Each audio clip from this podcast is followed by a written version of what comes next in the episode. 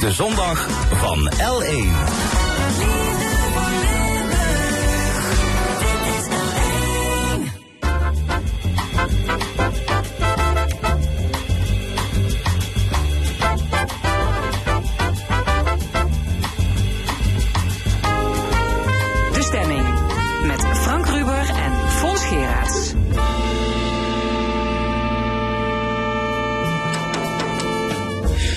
Welkom bij de stemming. Vandaag met de volgende onderwerpen.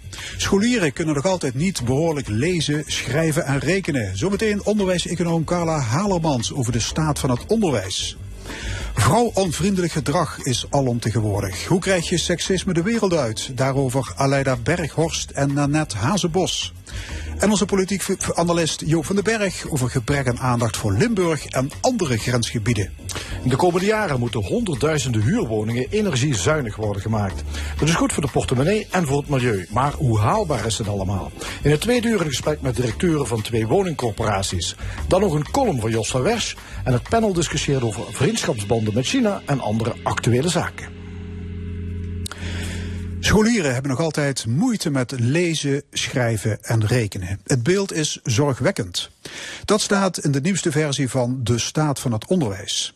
Volgens de onderwijsinspectie zijn het opkrikken van rekenen en taalvaardigheid en kansengelijkheid de belangrijkste opdrachten voor het onderwijs. En bestuurders moeten zich veel meer gaan bemoeien met de kwaliteit van hun scholen. We gaan erover praten met Carla Halermans, hoogleraar onderwijseconomie aan de Universiteit Maastricht. Goedemorgen. Goedemorgen. Ja, het onderwijs is grondig doorgelicht. De staat van het onderwijs, zo het rapport dat hier nu voor ligt. Eh, bent u geschrokken van de bevindingen of zegt u van ja, ik had het eigenlijk wel verwacht dat zoiets eruit zou komen? Het is eigenlijk wel in de lijn met wat we al een aantal jaren zien. Uh, de basisvaardigheden, uh, taal en rekenen is eigenlijk al een aantal jaren een zorgenkindje. Dus het verbaast me in die zin helemaal niks dat dit ook nu weer ja, een van de hoofdbevindingen is van de onderwijsinspectie. Uh, en ook kansenongelijkheid is echt een, een onderwerp wat uh, al een tijd ja, goed in de spotlight staat. En ook zou moeten staan, want daar is het toch nog niet helemaal goed mee gesteld. Nee, ja, ja eigenlijk wel treurig hè. Dat we, ja, u zegt het ook al, ja, we hadden het eigenlijk wel verwacht. Ja, ja. ja je zou het liever anders zien. En, en, ik denk ook wel dat er nu een goede ja, goede weg is ingeslagen om hier meer aandacht aan te besteden. Uh, maar je kunt ook niet verwachten, want dat is een, vorig jaar of het jaar daarvoor uh, zijn we daar echt op gaan focussen. Je kunt niet verwachten dat het in één keer helemaal omgeslagen is. Dus ja, dat dit nu nog eruit komt, vind ik niet heel vreemd. Maar ik hoop wel dat we over een aantal jaren een positiever bericht krijgen op dit gebied. Zeker. Het is geen best beeld inderdaad dat naar boven komt. Er zijn streefniveaus in het onderwijs. Um, als je daarnaar kijkt, meer dan de helft van de leerlingen in het basisonderwijs haalt dat niveau niet voor rekenen. En een kwart kan niet goed genoeg lezen. Dat klinkt echt heel desastreus. Dat is ook vrij zorgelijk. Um, het hebben van die basisvaardigheden is gewoon echt cruciaal voor het goed kunnen functioneren in de samenleving. Dus uh, als je niet in staat bent om een bijsluiter van een. Uh, uh, van, van medicijnen te lezen, uh, ja, dat is, dan heb je toch ook wel echt een probleem. Dus het is ook echt zorgelijk. Ja. Uh, dit is niet zo dat we helemaal niks goed doen, uiteraard. Maar dit zijn wel echt aandachtspunten waar we ja, mee aan de slag moeten. En zijn. Ja, ja, inderdaad, want een kwart, één op de vier leerlingen dus die in groep 8 zit, ja, die kan gewoon niet goed genoeg lezen. Dus inderdaad, u zegt al, ja, dat, dan kun je geen bijsluiter lezen, maar je, je, je, je start ook heel slecht dan. Ja, ja de start uh, op het voortgezet onderwijs is dan uh, best wel lastig. En de, de opgave is dan ook voor, voor het voortgezet onderwijs om dat uh, ja, aan te proberen te pakken. Maar daarvan weten we ook uit de cijfers dat dat ook vaak niet lukt. Dus dat leerlingen toch met nou, te lage taalvaardigheden het, het, onderwijs verlaten. Ja, want als je kijkt inderdaad dat vervolgonderwijs, eh, dan zie je dat het ook er niet beter op wordt. Eén op de vijf leerlingen bijvoorbeeld die slagen voor HAVO of VWO, die hebben een onvoldoende voor Nederlands op hun eindlijst. Ja.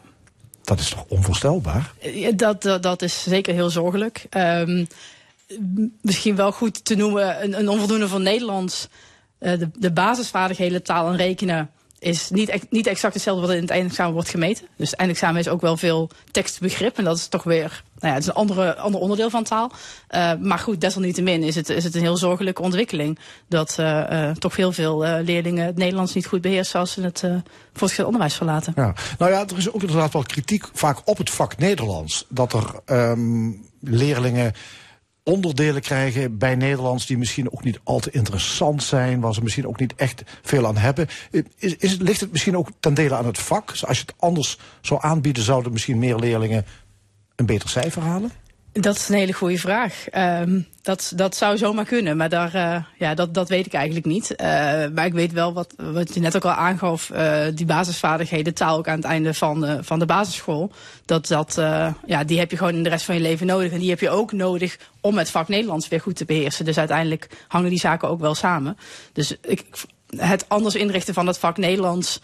Um, het lijkt me sterk dat dat dit hele probleem uh, zal, zal oplossen. Nee, het zijn dus wel leerlingen die bijvoorbeeld naar een, een HBO-opleiding of dan universiteit gaan. Het kan zijn dat die dus een onvoldoende voor Nederlands op een eindlijst hebben. Ja, ja, en de vervolgopleidingen hoor je daar ook vaker over. Dat de taalvaardigheid, de schrijfvaardigheid van, van de nieuw binnenkomende studenten uh, toch regelmatig de wensen overlaat. En dat is wel een heel belangrijk onderdeel. Ja, de inspecteur-generaal van de onderwijsinspectie, dat is de hoogste baas, zullen we maar zeggen, uh, die vindt dat je met een onvoldoende voor Nederlands niet zou mogen slagen voor de middelbare school of het MBO.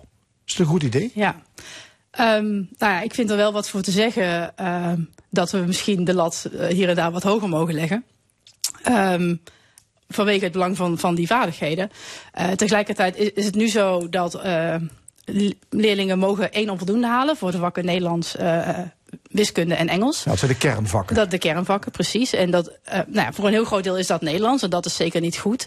Tegelijkertijd, als je dit nu uh, op korte termijn zou invoeren dat dat niet meer voor Nederlands mag zijn, um, dan vrees ik dat het, het onmiddellijke probleem is dat heel veel leerlingen niet meer voor hun eindexamen slagen. Zeker degene die dit jaar of volgend jaar in hun laatste jaar zitten.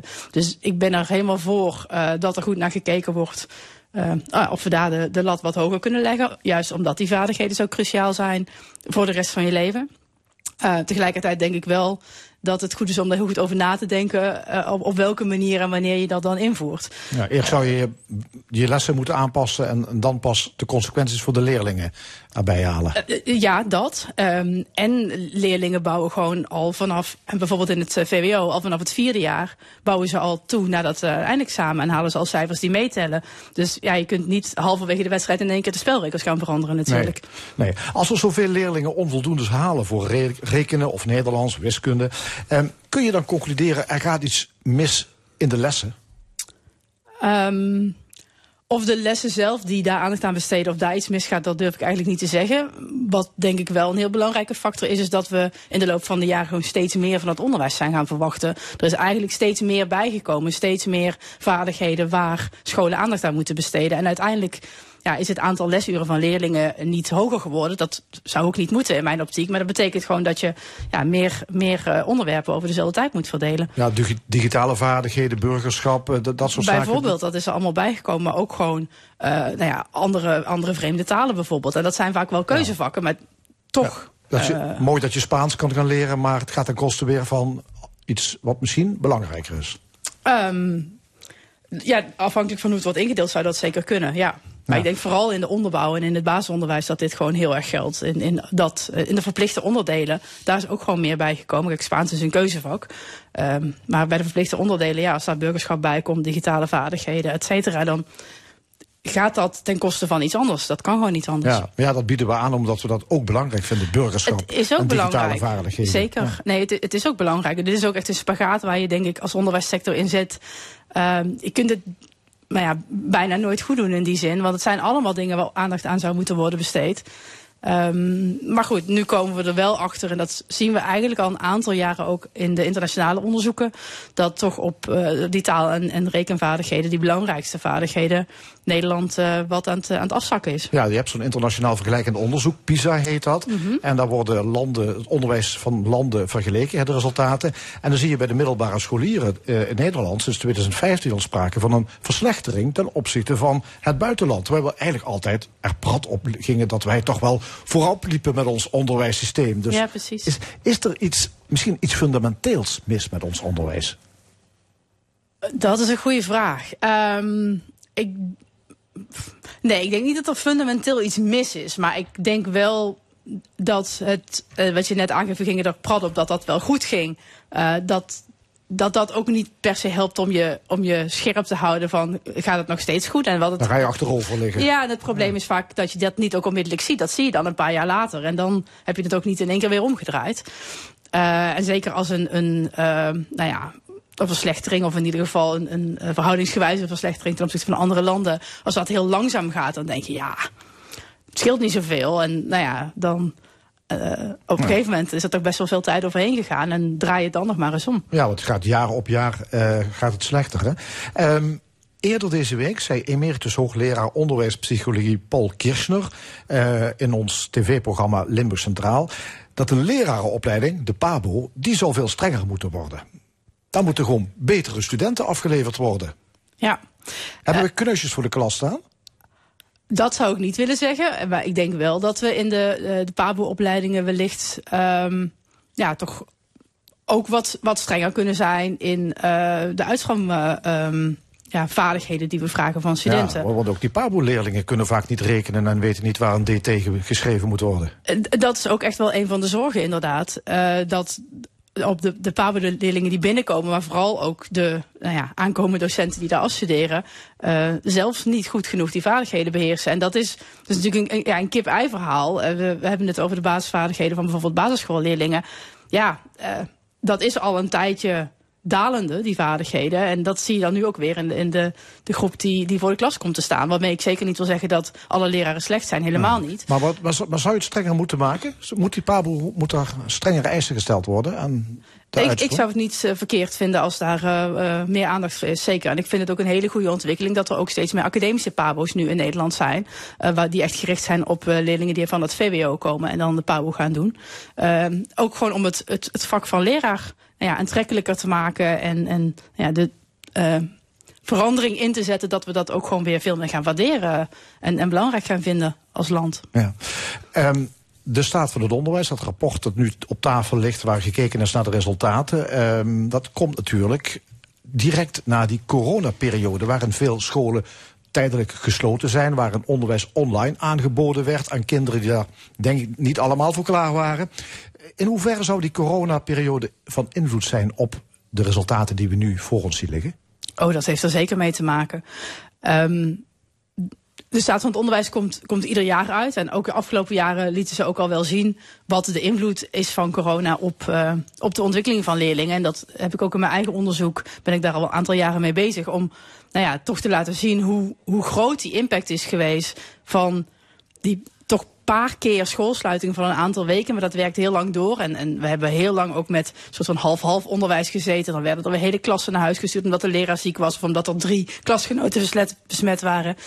Dus nee, corona heeft denk ik een ontzettend grote invloed hierop. Tegelijkertijd moeten we ook waken dat we niet alles alleen maar aan corona toeschrijven. Want we zagen ook voor corona al een dalende trend in die vaardigheden. Alleen zo'n enorme onverwachte klap ja, maakt het natuurlijk in één keer veel erger. Nee, maar als je de, al ziet dat, het, uh, dat de vaardigheden, dat de resultaten teruglopen. Nou ja, we hopen niet dat er nog zo'n volgende keer komt. Maar moeten we misschien toch wat um, voorzichtiger zijn voordat we scholen gaan sluiten? Um, ja, wat, wat mij betreft, mijn advies zou echt zijn om de scholen niet meer te sluiten. Uh, maar dat is heel makkelijk om dat vanuit de buitenkant te zeggen. Want ik kan me heel goed voorstellen dat uh, wat leraren die al wat ouder waren, ja, daar toch wel angst voor hadden in die coronaperiode. Dus het, daar spelen zoveel factoren mee dat het, denk ik, ook hier geldt, je kunt nooit een voor iedereen goede beslissing nemen. Maar voor de kinderen, voor de ontwikkeling van de kinderen zou ik echt zeggen, hou de scholen open. Um, maar goed, ja. daar spelen daar meer dingen in mee. Zeker, je hebt ook nog de mentale problemen die natuurlijk ook groot zijn. Hè, wat, wat nog een onder, onderwerp is, hè, dat veel jongvolwassenen toch aangeven dat ze psychisch ook wel moeilijke tijden doormaken. Zeker, ja. ja de, de, Helpt ook niet mee, Op de leerresultaten zag je onmiddellijk al negatieve effecten. En we beginnen eigenlijk nu pas te zien wat het mentaal uh, met die leerlingen gedaan heeft. En eigenlijk nog steeds wel doet. Ja. In het rapport de staat van het onderwijs wordt ook geconstateerd dat er iets gedaan moet worden aan de kansenongelijkheid. Ja. Welke kansenongelijkheid is er in het onderwijs? Um, nou, toch wel best wel veel. Het maakt heel veel uit waar jouw wieg staat en, en ja, wie jouw ouders zijn of welke opleiding je ouders gehad hebben, wat voor een kansen je krijgt uh, in het onderwijs. En dat, dat, ja, dat kan gaan van um, het advies aan het einde van de basisschool, wat dan misschien net iets lager is vanwege jouw achtergrond. Um, dat kan de kans zijn op, op door kunnen stromen binnen het systeem. Dus dat is best wel toch veel. denk eh, ik altijd, we hebben toch een tamelijk doorzichtig, eh, transparant systeem met toetsen, leerlingen, volgsystemen. Zo'n basisschool weet na acht jaar toch wel wat een leerling kan of niet kan. Waarom zou daar kansenongelijkheid blijven bestaan? Uh, omdat we toch veel, uh, nou ja, vaak zelfs onbewuste uh, ja, vooroordelen hebben. En uh, misschien ook wel net iets te veel willen pamperen soms. En, wat, en, en, leerlingen toch net wat, wat minder uitdagen. Ja, het, is, het is voor jou moeilijker thuis, dus laat ik je een iets lager advies geven. Ja, dat, dat geeft wat meer zelfvertrouwen. Nou, dat is zo. Maar we, als mensen functioneren we aan de andere kant ook wel weer het beste als we net iets meer worden uitgedaagd dan de grens uh, van, van kunnen waar we nu zitten. En die uitdaging gebeurt gewoon veel vaker bij ja, leerlingen die toch wel in wat bevoorrecht situaties zitten. Ja, en hoger opgeleide ouders die zijn wat mondiger en die peuteren ook wel weer een hoger adviesje los. Ja, nou, als je kijkt naar het einde van de basisschool, waarin leerlingen advies krijgen en vervolgens die uh, eindtoets maken, wat binnenkort de doorstroomtoets wordt. Um, dan kan het advies worden bijgesteld als je toetsscore uh, hoger is dan het advies was. Uh, maar het is niet dat dat overal automatisch gebeurt. En wat, wat uh, mondigere ouders zullen daar eerder mondiger en want ze uh, hoog opgeleid, uh, zullen daar eerder om vragen. Ja, en, en, en, en ze kunnen gebeuren. bijlessen betalen. Precies, dat is, een, dat is toch een heel ander punt inderdaad. Uh, met al die toetsen, je zegt net, het is heel doorzichtig en er zijn heel veel toetsen en je weet wanneer. Ja, uh, en daar kun je dus ook op anticiperen. Maar de mate van anticiperen daarop is zeker niet uh, gelijk tussen, tussen alle ouders. Ja, van de andere kant, niet elk kind hoeft toch naar het VWO. Zeker, nee, absoluut. Uh, ik denk dat wij een heel goed systeem hebben waar we niveaus hebben die bij leerlingen aansluiten. Maar als iemand het VWO zou kunnen en zou willen en die kans niet krijgt, dat vind ik wel heel erg. Ja. Ja, het uh, ja, kan het trouwens allemaal. Hè? We, wil, we willen heel veel, maar we hebben geen leraren. Dat, dat is het probleem natuurlijk ook nog. Ja, ja, Althans, we hebben te weinig leraren. We, we, we hebben te weinig ja. uh, ja, gekwalificeerde ziet er ook leraren. niet uit dat er veel leraren, dat er voldoende leraren bij gaan komen. Hè? Dat, nee, en dat, dat is ook nog wel een, een, een punt. Uh, wat het net even over moeten we het, het niveau van de PABO's verhogen. Nou, ik ben daar helemaal voor. En tegelijkertijd met het probleem wat we nu al zien van het lerarentekort. Ja, ook dat, als je kijkt op korte termijn ik denk dat dat het, het leraartekort niet kleiner zal maken. Maar ja, uiteindelijk moet je natuurlijk ook naar lange termijn doelen toe. Dus het is uh, wel goed om daar ook over na te denken. Ja. Maar nee, het leraartekort is een, een heel grote olifant in de Kamer die, uh, die je er niet zomaar uitkrijgt. En die in al die dingen die we tot nu toe besproken hebben relevant is. Ja, we hebben heel veel besproken. Het zijn allemaal de pijnpunten. Als je het rapport bekijkt, zijn er ook lichtpuntjes voor ons onderwijs? Ja, kijk, we focussen heel snel op alles wat er niet goed gaat. Maar uh, ik denk nog steeds in de algemene zin dat we in Nederland gewoon een heel goed onderwijssysteem hebben. Met wel heel veel kansen en mogelijkheden voor kinderen. Die zijn niet helemaal gelijk verdeeld. En dat is absoluut ja. een aandachtspunt. Um, maar uh, ja, we, we, het is, het is een, een goed land waar het, het, onderwijssysteem in principe op orde is. Ja, laten we ons ook niet de put in praten. Maar aandacht nee. voor die kansenongelijkheid uh, en dat rekenen aan taal, dat moet er natuurlijk wel komen. Absoluut. Ook wel. Dankjewel, onderwijseconoom Carla Halemans. Graag gedaan. Zometeen in de stemming, hoe krijgen we seksisme de wereld uit? En wat valt er op feministisch gebied nog allemaal te bevechten? Maar eerst Miley Cyrus met een nummer dat in een recordtijd 1 miljard streams aantikte op Spotify. Dit is Flowers. We were good, we were gold. Kind of dream that can't be sold. We were right till we weren't. Built a home and watched it burn.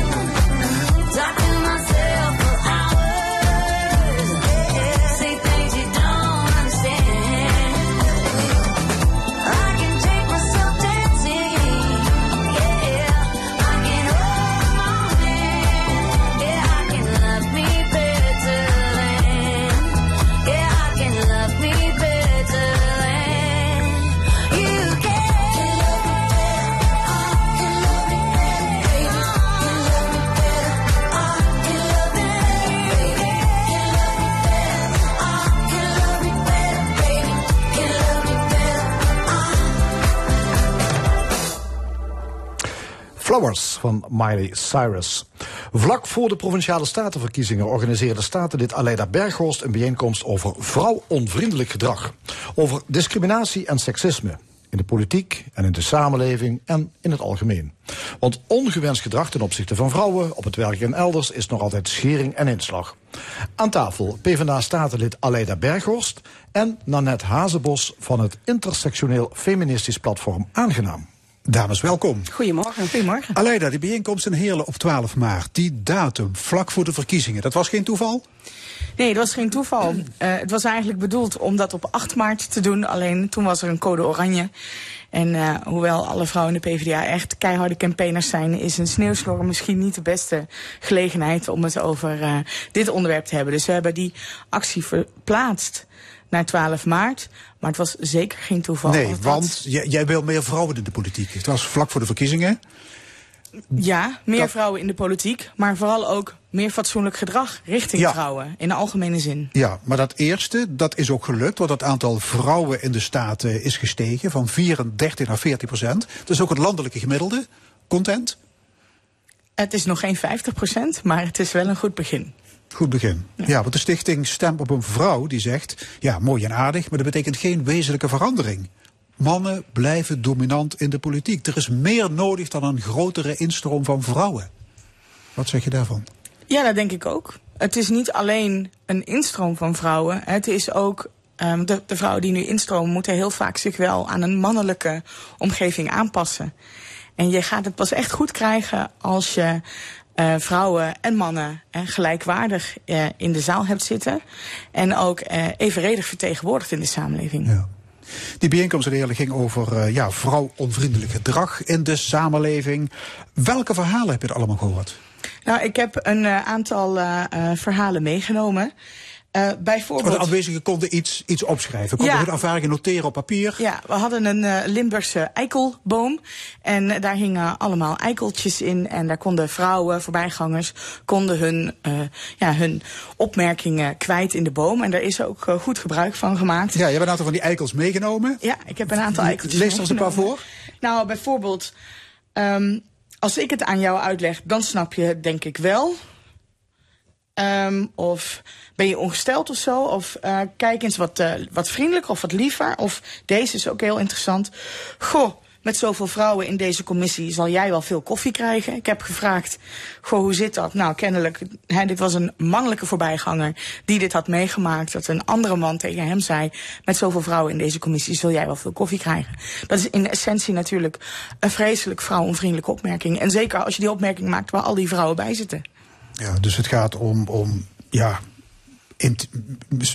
toespelingen, seksuele toespelingen, kleinerend gedrag, dat soort dingen. Nanette Hazebos, kom je dat bekend voor, dit ja, soort eigenlijk opmerkingen? Wel. Toen wij, uh, Is dat schering en inslag? Nou, schering en inslag. Wij uh, lanceerden aangenaam 2,5 jaar geleden. En toen zijn wij eigenlijk met een aantal uitspraken naar buiten getreden om aandacht te vragen voor het feit dat aangenaam bestond. En daar was Ben je ongesteld of zo echt een van de campagneposters. Omdat ja. dat inderdaad... Uh, ja, vaak uh, gezegd wordt op het moment dat je iets uh, feller of uh, ja, emotioneler reageert. Terwijl dat je zou kunnen stellen dat zodra een man zijn stem verheft of een pittige discussie aangaat, dat daar niks over gezegd wordt. Ja. ja. En wat moet je doen als je ja, met zo'n situatie wordt geconfronteerd? Meteen um, lik op stuk geven? Ja, Zeggen dat, dat je er niet van gediend bent? Ja, als dat bij je past kun je dat doen. Ik denk um, wat voor, voor mij heel goed werkt is dat ik uh, eigenlijk een vraag stel. En dat dat vaak en de situatie een beetje, dat het de angel eruit haalt. Maar dat het eigenlijk ook maakt dat de ander nagedenkt van... oké, okay, maar waarom zeg ik dit eigenlijk? Want, een, een tekenvraag? Ja, eigenlijk wel. Want, Zoals? Geef eens een voorbeeld. Um, nou ja, als je bijvoorbeeld uh, zo'n zo'n vraag als... Uh, um, uh, kijk eens wat vrolijker. Dat ik dan zou vragen van... waarom vind jij het belangrijk dat ik vrolijk kijk? Um, of ja, goh, uh, gewoon. Of ja, dat dat uh, ervoor zorgt dat een ander eigenlijk ook nadenkt over een opmerking. Omdat zo'n opmerking ook van het koffie halen. Dat dat natuurlijk. Uh, veel, veel onbewuster wordt geplaatst. Daar wordt echt niet altijd bedoeld wat ze daarmee bedoelen. Maar die, het komt wel zo over natuurlijk. Dus je kan ook op een andere manier een gesprek aangaan met iemand. Zodat hij na gaat denken over wat er gezegd wordt. Uh, Aleida, kom je zelf ook vooral onvriendelijk gedrag tegen in provinciale staten? Ja, zeker. De opmerking over. eh, als ik het eh, nog eens aan je uitleg, dan snap jij het misschien ook. Die komt van een collega statenlid aan mij gericht. Ehm, Ik hoor ook wel eens de klacht dat vrouwen systematisch worden onderbroken als ze dat woord zijn. Dat dat heel vaak gebeurt. Ja, nou is het natuurlijk wel zo dat in een ehm, commissievergadering of in een debat er een voorzitter is die daarop stuurt. Dus dan is dat iets minder. Want ja, dan, nou, je kunt een vrouw niet zomaar onderbreken of niemand zomaar onderbreken. Dat moet altijd via de voorzitter. Eh, wat, ik, wat we wel heel veel zien is dat vrouwen gewoon bestempeld worden als dom. En dat als een man, met name als een man, een ander standpunt heeft in een discussie dan een vrouw, dan is het standpunt van de vrouw is dom, is eh, niet eh, deskundig, is ehm, ja, en soms ook emotioneel. Als je vasthoudt, hè, dan word je emotioneel, dan ben je niet boos, maar dan ben je emotioneel. Dat zijn allemaal heel onvriendelijke manieren om, eh, om een vrouw eigenlijk de mond te snoeren. Er komt nog steeds meer wangedrag boven, boven tafel. Hè. Denk aan de, de danswereld, de universiteiten, de voice, eh studiosport. Presentator Dionne de Graaf die zegt in een interview... ik heb twintig jaar geleden meegegrinnikt om foute grappen. Ik dacht, ik dacht, laat ik maar een beetje meelachen. Is dat Ik vind dat herkenbaar? Ja, zeker weten. Ik heb dat ook gedaan. En dat je dan toch denkt van, oh, ik voel me hier eigenlijk niet prettig bij. Maar om het aan te kaarten, dat maakt de situatie ongemakkelijk. Dat zorgt dat eh, de, ehm, de, de, of een vriendschap of het, het collegiaal gedrag dat ik met iemand heb, dat dat gewoon eh, minder wordt. En dat je dan ook een, een hele eh, onprettige werksfeer krijgt. Ehm, dus dan, ja, dan neem je het maar voor lief. En dat is een heel vervelend gevoel, want het maakt dat, het, eh, dat ik degene ben die het op moet lossen. Terwijl dat het natuurlijk aan de andere kant of zelfs in het midden ligt. Ja. Ja, op zo'n masculine sportredactie ben je liever als vrouw one of the guys dan dat je het feestje komt bederven. Ja, ik denk het wel. Ja, en je wilt toch ook gewoon, eh, je wil zelf toch ook gewoon een fijne werksfeer. Je wilt toch zelf ook eh, op je werk kunnen komen zonder dat er gedoe is. En ja, dat, het, Ja, zeker. Dus is het zaak om organisaties zo divers mogelijk samen te stellen. Ja, is dat correct. de manier om een einde te maken aan de macho-cultuur? Aleida Berghorst? Nou, het is niet alleen hè, zo divers mogelijk samenstellen. Het is ook eh, hoe is eh, een organisatie ingericht. Ja, maar dat bedoel ik. Als een werkvloer bestaat uit 50% mannen, 50% vrouwen, dan krijgen, laat ik zeggen, seksuele roofdieren toch weinig kans. Ja, Ja, maar of, daar gaat het niet om. Waar het om gaat is dat als jij eh, meer vrouwen in de politiek wil, specifiek, hè, dat je daar rekening mee moet houden dat vrouwen vaak ook nog een zorgtaak hebben, omdat de, de taakverdeling thuis misschien niet helemaal evenredig is. En dat, dat je dus ervoor moet zorgen dat je niet eh, de vergadering altijd in de avond hebt. Of altijd op een bepaald moment dat er kinderopvang geregeld moet worden. Weet je, dat, dat soort inrichtingen en aanpassingen in een politieke organisatie kunnen ervoor zorgen dat meer vrouwen actief kunnen Ja, dan meedoen. heb je het meer over vrouwenrechten, zou ik maar zeggen. Ja, over vrouwenrechten, maar ook gewoon hè, hoe werken wij met elkaar samen? Meer aanpassen op de samenstelling van je groep. En niet allemaal blijven uitgaan van het traditionele jaren 50. eh, de, man, eh, de man zit in de politiek en de vrouw zit thuis bij de kinderen. Ja. Denkbeeld. ik zou het dan ook heel interessant vinden om te, te kijken of mannen op een gegeven moment ook gaan toegeven van goh, dat in de avondvergadering in het geval van het voorbeeld wat de leider geeft, dat komt mij eigenlijk ook niet zo goed uit. Ik heb op woensdag ook de kinderen. ehm, die, de, die zorgtaken evenredig verdelen, dat moet ook dat moet door beide eh, opgelost worden. Dat is niet iets wat, ehm, waar alleen vrouwen rekening mee te houden. Ik denk dat het mannen ook niet altijd uitkomt. Maar zij zijn ook gewend om gewoon eh, daar niks van te zeggen. Of daar niks van te vinden omdat ze daar nog nooit over nagedacht hebben. Er wordt eh, beweerd dat de stereotype macho-man weer helemaal terug is. Hè, types als Donald Trump, Andrew Tate, de, de, de influencer, Mark Overmars met zijn dickpics, Johan Derksen, de Danny Nelissen, dat soort. Wat denken jullie? Ik denk dat die nooit weg geweest zijn. Die zijn niet zo'n ene hup, eh, daar zijn ze weer, de macho man. Nee, de samenleving heeft, de samenleving heeft gewoon macho mannen die denken dat ze zich op die manier moeten laten gelden. Omdat dat stoer is. Of komen die lieden vaak op televisie, waardoor het beeld iets wat vertekend wordt? Ik denk dat ze Dat je- vaak op televisie komen en ik denk dat er een deel van de samenleving ook, ook heel hard lacht om die grappen. Ja. En dat ze daarom ook gewoon vaak op televisie komen. Omdat een deel van de samenleving hard lacht om de vrouwonvriendelijke grappen die die mensen Dat is maken. toch tamelijk treurig? Ja, dat is ook heel treurig. Nanette. Ja, dat vind ik ook. ja, daar kan ik me alleen maar bij aansluiten. Ja. Ehm, jullie hebben twee jaar geleden aangenaam opgericht, je zei het al. Een intersectioneel feministisch platform voor Yes. Noord- en Midden-Limburg. Om te beginnen, dat woord intersectioneel. Leg Ja. dat eens uit. Nou, dat gaat erover dat er eh, de mate waarin dat je ongelijkheid ervaart, eh, dat dat met verschillende assen te maken heeft. Dus ik ben een witte vrouw. Ehm, ik, ben, ehm, eh, ik heb een HBO-opleiding gedaan. Ehm, ik eh, heb een, mijn ouders zijn nog bij elkaar. Ik heb een, een, een vrij goed inkomen. Dus de mate waarin ik ongelijkheid ervaar in de wereld is anders dan de mate die een vrouw van kleur zou ervaren. Of iemand die lager opgeleid is. Maar de mate waarin ik ongelijkheid ervaar is wel lager dan, dan je van jou bijvoorbeeld. Ja. Omdat Dus jij je hebt dan. ongelijkheid in verschillende gradaties. Precies, en daar ja, ja. moet je in, het, in, in de discussie rondom feminisme moet je daar rekening mee houden. Ja. Jullie zijn met z'n drieën. Wat heeft jullie bewogen om die club op te richten? En dat was voor ieder van ons drieën anders. Maar het was wel eh, wat eraan ten grondslag lag, was dat we alle drie een, een, het niet eens waren met de manier waarop dat we de wereld eh, zagen. En eh, ook de manier waarop dat er over eh, gelijkwaardigheid of ongelijkheid werd gepraat in, in, in de regio. En dat gebeurde eigenlijk veel te weinig. Eh daar zijn we op een gegeven moment zijn we zelf op zoek gegaan naar zo van informatie. Nou, dan kom je in de randstad uit. En ehm, hoewel die informatie heel waardevol is en je ook echt aan het denken zet, is dat hadden wij zoiets van volgens mij valt dit niet één op één te vertalen naar wat er in Limburg gebeurt. Dus toen dachten wij van nou, dan gaan wij dat wel doen. Oké. En wat is de invloed van de Spice Girls op jouw ontwikkeling in de richting van het feminisme eigenlijk?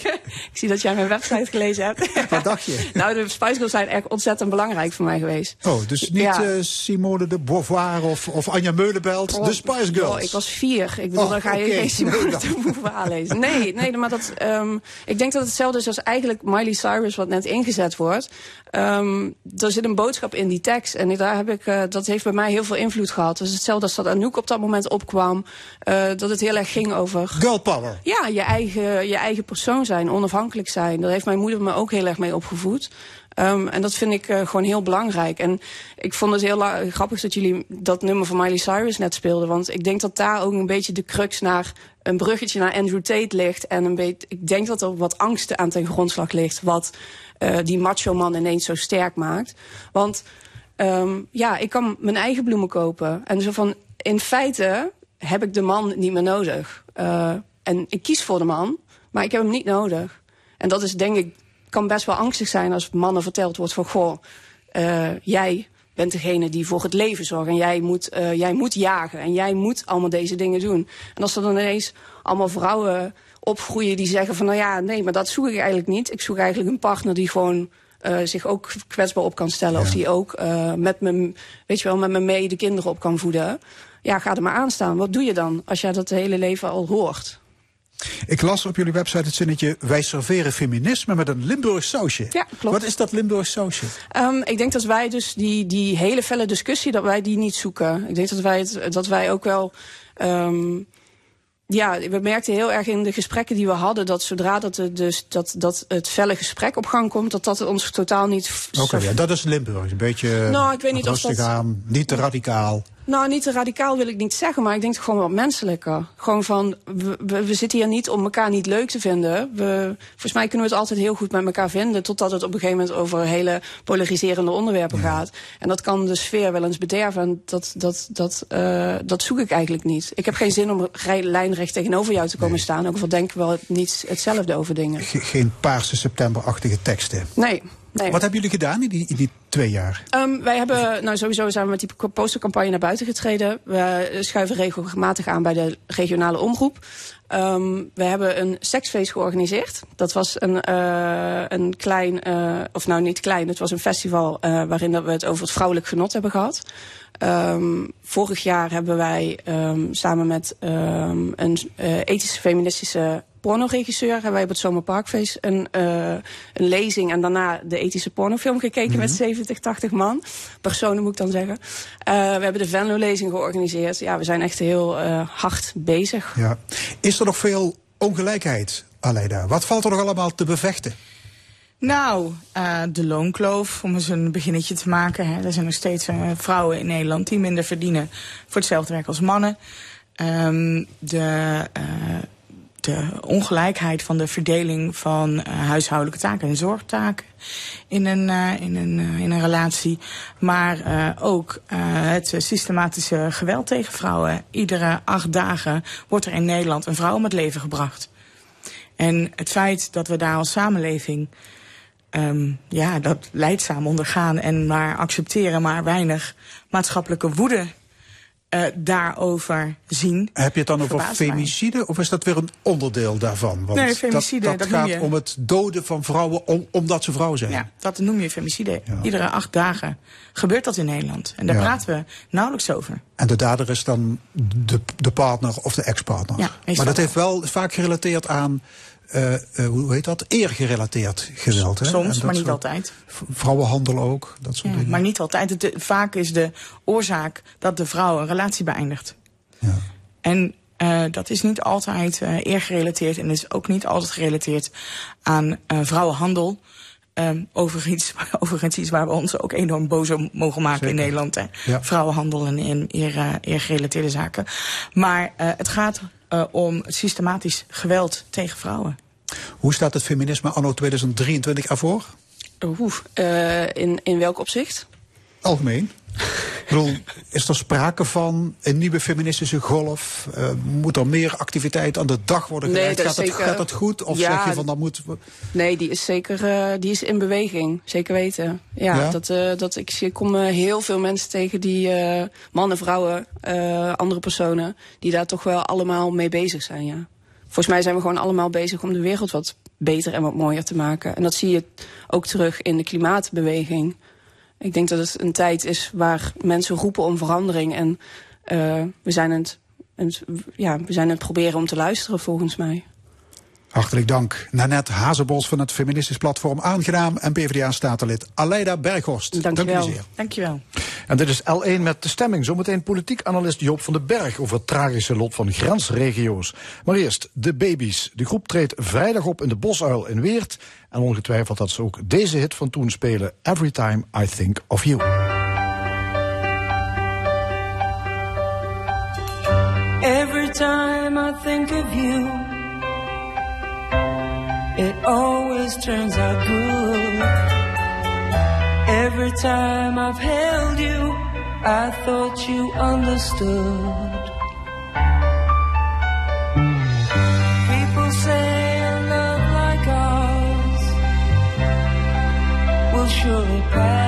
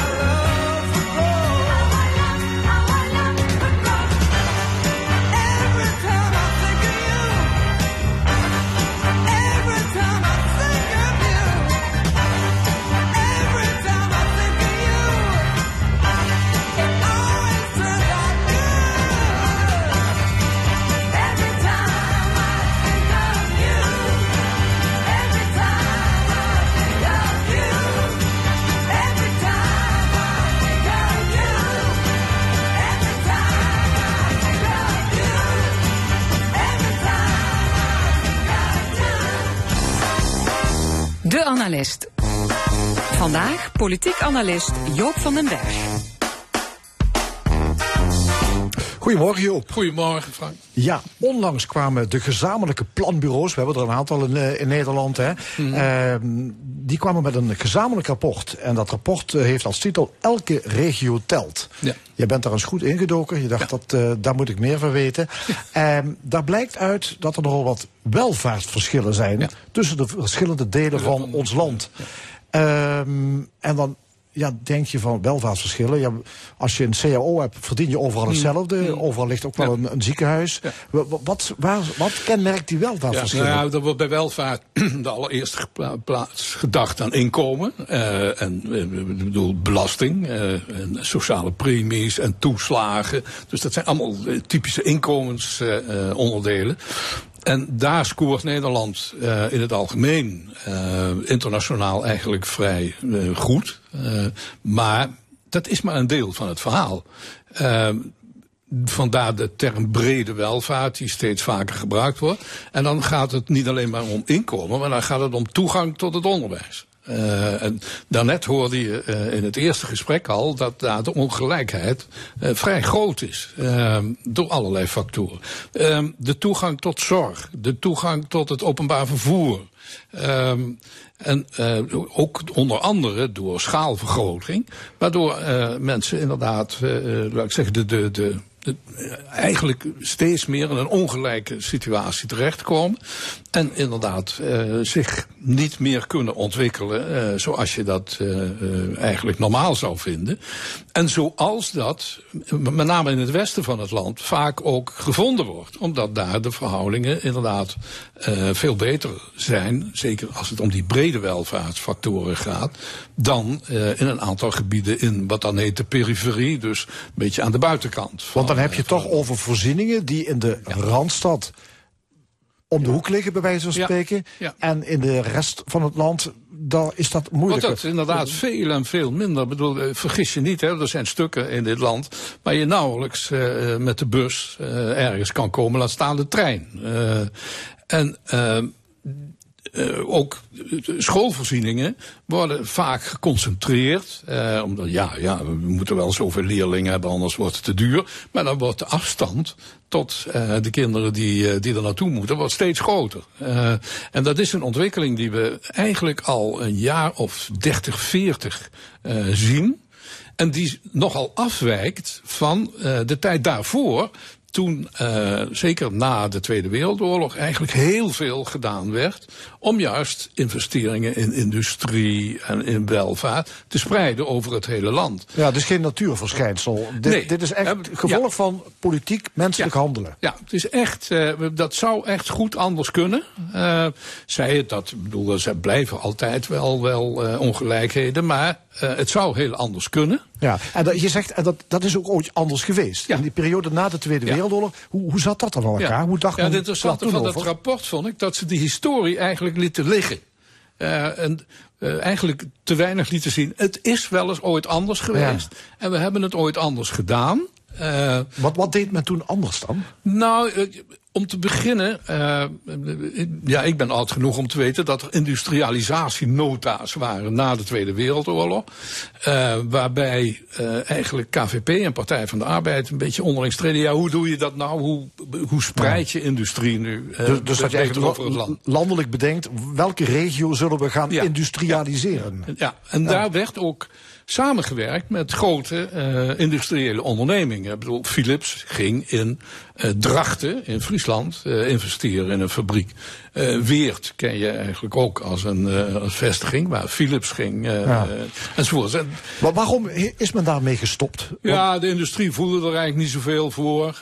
Bovendien begon je in de gaten te krijgen dat als de subsidies, want die, dat ging vaak gepaard met subsidies, als die geëindigd waren, dan zag je die bedrijven ook langzaam weer vertrekken. Hè.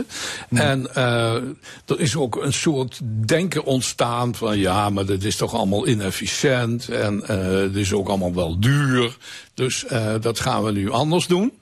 En uh, eigenlijk ook in die periode van liberalisering uh, is de gedachte ontstaan: nee, je kan veel beter op punten waar al sterke uh, industrie is of welvaart is, kan je die versterken. En dan druppelt het wel naar de omgeving door. Nou, dat, dat is duidelijk dat dat dus niet nee, gebeurt. En je hè? ziet het, Limburg is in dat opzicht een, eigenlijk een heel goed voorbeeld, omdat het aan de ene kant zag je toen de mijnen sloten, dat er echt heel veel gedaan werd uh, om allerlei compenserende maatregelen te nemen. Uh, maar tegelijkertijd zag je ook de, de verandering al, want uh, je zou zeggen. In de oostelijke mijnstreek richt je dan de universiteit op en de nieuwe medische faculteit, maar dat gebeurde niet. Dat, die ging naar Maastricht. Uh, zeg je, dat is geen hele grote afstand, maar uh, het is natuurlijk wel buiten het gebied. Ja. Uh, er zijn natuurlijk veel dingen ook wel in Heerlen uh, gebeurd. Denk aan het CBS en aan het Algemeen Burgerlijk Pensioenfonds enzovoort. Later ook de Open Universiteit, maar dat is natuurlijk een veel kleinere uh, instelling. maar daar zie je eigenlijk al van ja, maar hoe doen we dat nu zo dat het ook echt eff effectief is? En aan, en zeker bureaus als het Algemeen Burgerpensioenfonds, CBS, uh, die kwamen als rijksdiensten wel naar de buitenprovincies, want ze gingen er ook naar Groningen. Maar dat ging met een ongehoorde hoop geklaag en gekreun en gezeur ja. gepaard. Ja. Van en waarom moeten wij daar helemaal heen? Dus de weerstanden werden als het ware ook steeds groter. Ja. Kun je zeggen dat grensregio's misschien extra de dupe zijn van het achterblijven van ja. landelijk beleid om ja. de regio mee te sturen ja. in de vadervolken? Ja, maar dat is toch op zich, denk je. Uh, uh, hier in, in, Limburg zou je dus eigenlijk dolblij moeten zijn, want er zitten drie faculteiten, of drie medische uh, ziekenhuizen, dus academische ziekenhuizen, op een kluitje. In Aken, in Luik en in uh, Maastricht. Ja, we hebben vijf universiteiten, geloof ik, hier rondom zijn. Ja, nee, het is in echt dol op hier. Maar, uh, en toch werkt het op de een of andere manier niet. En dat komt inderdaad door uh, harde uh, grenzen uh, die, die nog steeds voelbaar en zichtbaar zijn. En die invloed hebben bijvoorbeeld op de doorstroming in het openbaar vervoer. Ik bedoel, ik wil best studenten naar Hassel sturen of naar Aken.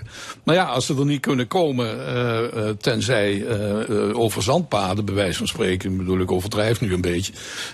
dan wordt het dus ook heel inefficiënt eigenlijk. Ja. En dan zie je, hè, want er waren mensen erg verbaasd dat vooral in Zuid-Limburg tegen het constitutioneel verdrag van Europa uh, stemden. Terwijl je denkt, nou ja, je zit toch midden in Europa daar. Ja, maar je hebt inderdaad met harde grenzen te maken. Ja, en dan we, heeft Europa... Dacht, dachten dat het uh, op een Europese integratie zou uit... Ja, dat ja, een groot daar feest zou merk worden. je dus niet zo vreselijk Nee, veel van. Zou, En- zou het ook liggen aan de, toch de cultuurverschillen? Jawel, dat heeft er ook iets mee te maken. Kijk, uh, je ziet het uh, aan Zeeuws-Vlaanderen. Dat ligt tegen het, het grote Vlaamse stedengebied aan. Uh, en toch, ja, heeft het allerlei problemen. ja, ook weer op het terrein van verkeer met de rest van het Ja. land. Terwijl ook de grens met België, hoe dan ook, ook nog steeds een grens is. Bijvoorbeeld, ouders sturen daar hun kinderen naar de kinderopvang op Belgisch grondgebied. Omdat die daar goedkoper is. uh, en beter georganiseerd dan bij ons. Uh, gevolg, uh, dan blijven ze voor de lagere school of primair onderwijs blijven ze dan ook maar in België. En dan begint dus het hele onderwijssysteem te kiepen in Zeeuws-Vlaanderen, omdat er te weinig mensen zijn. Daarom zou je toch langzamerhand moeten zeggen, dan moet Europa toch zo ver zijn dat dat geen, geen problemen meer oplevert. Terwijl, um, dat, dat merk je ook uh, hier in, in, in uh, Zuid-Limburg. Maar hier heb je natuurlijk ook nog te maken met drie taalgebieden. Alleen, het pijnlijke is, er is een tijd geweest dat Maastrichtse arbeiders, ook omdat ze vaak in Luik moesten werken, vloeiend Frans spraken. Uh, en eigenlijk een groot deel van de bevolking ook. Dat is dus niet meer zo, want het Nederlandse onderwijs vanuit het Westen heeft zich zo opgedrongen. Uh, dat eigenlijk het talenonderwijs, ja, het beperkt zich tot het Engels, maar ja, die wonen hier niet. Dus, Ja.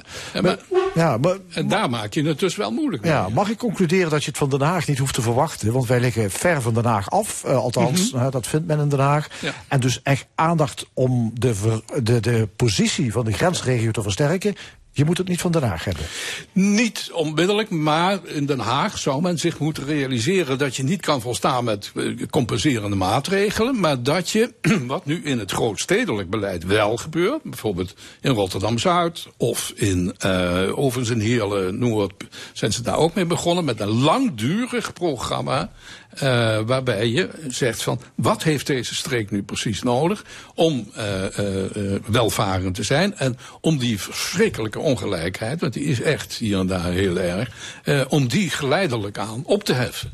dus je ziet wel een kentering. Je noemt Jawel, er zit wel een kentering. Een landelijk programma in Heerlen Noord. Ja. Dus dat, ja, maar is... je moet wel zeggen dat Kamerleden uit Limburg, respectievelijk uit Groningen enzovoort, ook een beetje met elkaar zouden moeten zeggen, luister eens, dat moet dus afgelopen zijn. We moeten inderdaad, als je investeert in grote steden, terecht. Maar doen we het dan ook uh, in, in zogenaamde perifere uh, gebieden. En het gekke is, uh, dat weet ik eigenlijk uit de jaren zeventig nog wel, dat wij hier in Limburg grijnzend zagen hoe het in het noorden allemaal niet gebeurde. En hier wel. Terwijl je eigenlijk zou moeten zeggen, een beetje solidair uh, zijnde. Je zou eigenlijk veel beter ook op het noorden moeten letten. Want dan let je uiteindelijk ook op ons. Daar komt het op neer. Joop, dit was ja. jouw allerlaatste bijdrage als politiek analist van de stemming. Om allerlei privé redenen wilt u ermee stoppen. We zullen je missen. Ja, dankjewel. Ja, de stemming loopt al 17 jaar. Mm -hmm. En je was er volgens mij vanaf het allereerste begin oh, bij. Uh, ja. hoe, hoe heb je het zelf ervaren? Ja, ik vond het altijd ontzettend leuk. Uh, over de, van het ene gekke café naar het andere trouwens in het begin. Uh, ja. maar goed, nee, ik vond het eigenlijk altijd buitengewoon aardig om, als ik hier toch was, om dan ook hier langs te komen. Ja. Dit soort goede gesprekken te voeren. Want ja, ja, ik merkte ook dat het altijd goed voorbereid ging. En uh, dat je niet zomaar wat uh, met elkaar besprak. Dus, ja, en jij komt mooi actuele zaken ook heel mooi in historisch perspectief plaatsen. Ja, dat, dat, is het dat vak, gaf een extra dimensie aan jouw. Ja, ja, dat is het vak natuurlijk. Ja. En ja, soms speelt de leeftijd ook een rol. Want je wordt zelf deel van de geschiedenis, zou ik maar zeggen. Ja, goed. We gaan je vast ook wel eens uitnodigen als gast hier in de stemming. Jo van den Berg, hartelijk dank voor al je mooie bijdragen. En het ga je goed. Dankjewel. Straks in de stemming aandacht voor de verduurzaming van corporatiehuurwoningen. Dus blijf luisteren. Tot zometeen. De zomer komt eraan. Coaching, maagballon, medicatie, bodyshaping. Samen kijken we wat jij nodig hebt om een gezond gewicht te bereiken. Nok Clinics helpt. Wacht niet langer en plan vandaag je gratis intake op nokclinics.nl. Maasmechelen Village members genieten nu van 20% korting op de outletprijs. In het lange weekend van Hemelvaart zijn we open tot 8 uur. Schrijf je in op maasmechelenvillage.com. Loop binnen op de open dag in Heerlen of Venlo. Nogclinics.nl Kastelein Modebeek is de gezelligste dames- en herenmodezaak in Limburg. Met 1200 vierkante meter modeplezier, meer dan 70 topmerken en een eigen naaiatelier. Kom shoppen in Beek of kijk op modekastelein.nl. Ga je bouwen of verbouwen? Je bouwt zeker met Bouwgarant. Op zoek naar de perfecte badkamer en volop keuze en de mooiste merken en uitsluitend de beste materialen? En vanzelfsprekend de beste installateurs? Kom naar Bad Body. Maak een afspraak op badandbody.nl en het genieten kan beginnen. Dat is de N van Bad Body. Ga naar Berens, Keukens, Badkamers en Tegels in Roggel. Met een bouwgarant aannemer zit je altijd goed. Want dan kies je voor gediplomeerd betrouwbaar vakmanschap. Bouw zeker. Met Bouwgarant. In 1927 maakte Paken Rolf van Avek al heerlijk comfortabele bedden. En dat doen we nog steeds. Boxspring 90 is als beste getest door de Consumentenbond. Omdat hij zo lekker ligt en heel lang meegaat. Kijk snel op avekbedden.nl.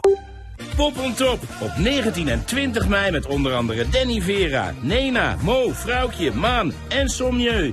Top.nl Boxspring 90 als beste getest en nu met extra voordeel. Ga naar avekbedden.nl. Dit is L1 met het nieuws van 12 uur. Ties van Kesteren met het NOS-journaal. De orkaan Mokka heeft in Myanmar tot nu toe aan enkele mensen het leven gekost. Verder is er nog niet veel bekend over slachtoffers. De orkaan kwam vanochtend aan land in Myanmar en Bangladesh. Er zijn windsnelheden gemeten tot zo'n 190 km per uur. Inwoners is opgeroepen een veilig heenkomen te zoeken. Het hoogtepunt van de storm wordt later op de dag verwacht... in de havenstad Sitwe in het westen van Myanmar, niet ver van de grens met Bangladesh. In Turkije zijn de stemlokalen geopend voor de presidents- en parlementsverkiezingen. In Istanbul staan al lange rijen voor de stembus. De strijd gaat tussen eh, zittend president Erdogan en oppositieleider Kemal Kılıçdaroğlu. Erdogan is met zijn AK-partij al 20 jaar aan de leiding in Turkije... maar staat in de peilingen nipt achter zijn uitdager. Rond 4 uur Nederlandse tijd sluiten de stemlokalen in Turkije. De eerste uitslagen worden dan snel verwacht. De politie heeft vanochtend een illegale reef beëindigd in Laagkeppel in de Achterhoek. Er waren zo'n 100 tot 150 mensen aanwezig. Het feest begon gisteravond in een loods.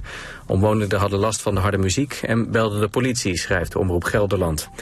De politie kon de feestvierders zonder problemen wegsturen. Er is ook niemand aangehouden. En een drukke dag in Rotterdam. Op de dag dat het bombardement van 1940 wordt herdacht... kan Feyenoord vandaag landskampioen worden in de Kuip. Mits ze winnen van Go Ahead Eagles. Het podium voor de huldiging op het stadhuis wordt al opgebouwd... en de koolsingel is sinds gisteravond afgesloten voor verkeer. Mocht Feyenoord vandaag niet winnen... dan heeft de club de komende weken nog twee kansen om kampioen te worden. Het weer, het is zonnig, alleen in het noorden en langs de westkust soms wat bewolking. Vanmiddag in het binnenland stapelwolken en kans op een bui. Het wordt 18 tot 22 graden. Morgen eerst zon, in de middag raakt het opnieuw bewolkt en gaat het wat regenen. Het wordt morgen 14 graden aan zee tot 19 graden in het oosten. Dit was het NOS Journaal. Hoogwater 2021. De gevolgen waren groot en de kans op herhaling is reëel door klimaatverandering. Bescherm uw huis of bedrijfspand met Preva hoogwaterbescherming. De demontabele oplossing tegen hoogwater. Binnen enkele minuten beschermd. Kijk op preva.nl. Preva. Sterk als een stier. Onze nieuwe keuken is de ontmoetingsplek voor de hele familie. Ideeën waren er volop. Op mhkkeukenexpert.nl. En vervolgens heeft MHK Keukenexpert Keukenboutique Weert alles tot in de puntjes gerealiseerd. Gaaf, hè? MHK Keukenexpert ontwerpt en realiseert de keuken van je dromen. Zo, dat is ontspannen. Oh, ik vind het zo ontspannen. Ik draai me nog een keertje om. Ja, lekker. hè. Zo'n social dealtje pakken. Wil je een nachtje prima pitten voor een prikkie? Voor de beste overnachtingdeals en meer? Check je socialdeal.nl. Voor 11,99 euro kan je een matige dagschotel in de kroeg eten... of net genoeg tanken voor een paar kilometer... of je geniet een heel jaar lang van extra voordeel en cadeaus. Je laat pakketjes thuis retour ophalen... en je betaalt geen extra verzendkosten bij alle bezorgopties. Haal meer uit jouw bol.com met Select. Probeer het nu 30 dagen gratis. Geef een belevenis met Moederdag. Ontdek de beste cadeaus en meer op socialdeal.nl. Evaluatie gezondheidsclaim Boswellia is lopende. Kunnen jouw gewrichten wel wat extra steun gebruiken? Neem dan Vitepro. Het bevat Boswellia serrata voor het behoud van soepele gewrichten en mangaan omdat het goed is voor je kraakbeen. Bestel Vitepro nu voor maar 9,95 op vitepro.nl. Geniet binnen twee weken van zacht water. Kijk op remonwaterontharders.nl. Dit is de zondag van L1.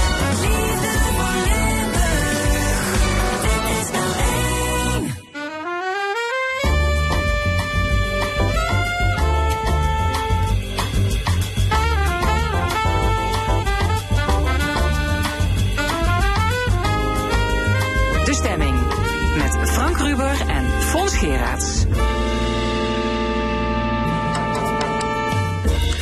Opnieuw welkom bij de stemming. Wat allemaal in dit tweede uur. Straks het panel met Maren Slange, Jan de Wit en Karen Leunissen.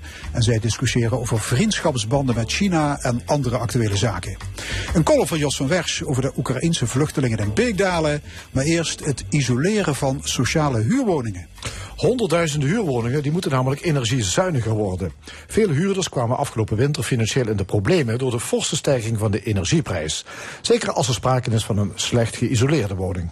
En daarom moeten corporatiewoningen op grote schaal worden verduurzaamd. Maar dat is een flinke klus voor alle woningcorporaties. Hoe gaan ze dat aanpakken en financieren? We gaan over praten met twee directeuren. Janine Godderij van Zo Wonen en Schaar Kanjels van Vinsio Wonen. Welkom allebei. Dankjewel. Eh Janine Gorderij Zo Wonen heeft 14.500 woningen. Die moeten voor 2029 worden verduurzaamd. Dat wil zeggen weg met de laagste energielabels E, F en G? Ja. Zo zit het? Ja, dat klopt. Eh, dat is het eh, plan. En hoeveel woningen van jullie zitten in die allerslechtste categorie? Op dit moment zijn dat, eh, als ik de woningen die we gaan slopen niet meetel, nog ongeveer 3000 eh, woningen. En wij willen die... Plakt er eens een percentage op? Ja, 3000 eh, Zo'n op de 14.000 14,5. dus Dus, eh, een kwart? Ja, 20 eh, procent ongeveer. Oké. Maar daarnaast hebben we ook nog eh, ruim 1000 woningen die we gaan slopen. Die zitten ook nog in die categorie. Maar die worden voor 2030 gesloopt. Oké. En waar mikken jullie op? Want tussen eh, de labels A en D, daar zit nog een heel verschil, hè? Zeker, zeker. Op dit moment zit ons eh, bezit, dus alle 14,5, behalve die sloopwoningen, die zit gemiddeld op label B. En wij willen naar gemiddeld label A in 2030. Het, ho- het hoogste? Gemiddeld. Gemiddeld, ja. Oké. ja. Schaar Kanjels, u bent directeur van Vincië Wonen in Heerlen. Hoeveel woningen gaat u energiezuiniger maken? We hebben een 15-jarig plan opgesteld om in totaal 1700 woningen aan te pakken. Dat is eh, zowel renovatie als eh, verduurzaming. Dat, eh, dat doen we in één keer. Op een totaal van? Eh 28, 2900 woningen, zoiets. 2900. dus dat zijn er een heleboel. Dat zijn er flink wat. En daar zitten ook eh, mijnwerkerswoningen tussen. Ja. Ja, het eerste project wat we nu eh, starten, of zijn gestart, is in Meesbroek. Ehm, de oudste woningen zijn eh, 101 jaar oud. Eh, en eh, we hebben nu de proefwoning klaar. Het eerste projectje van 24 staat eh, langzaam in de stijgers. En we komen nu echt op stoom. We gaan dit project in een jaar of drie, eh, in totaal kleine 200 woningen, gaan we eh, verduurzamen naar eh, label A. Ja. Maar een woning die 101 jaar oud is, die, die, die is oud, die is, die is slecht geïsoleerd, die is tochtig. Ja.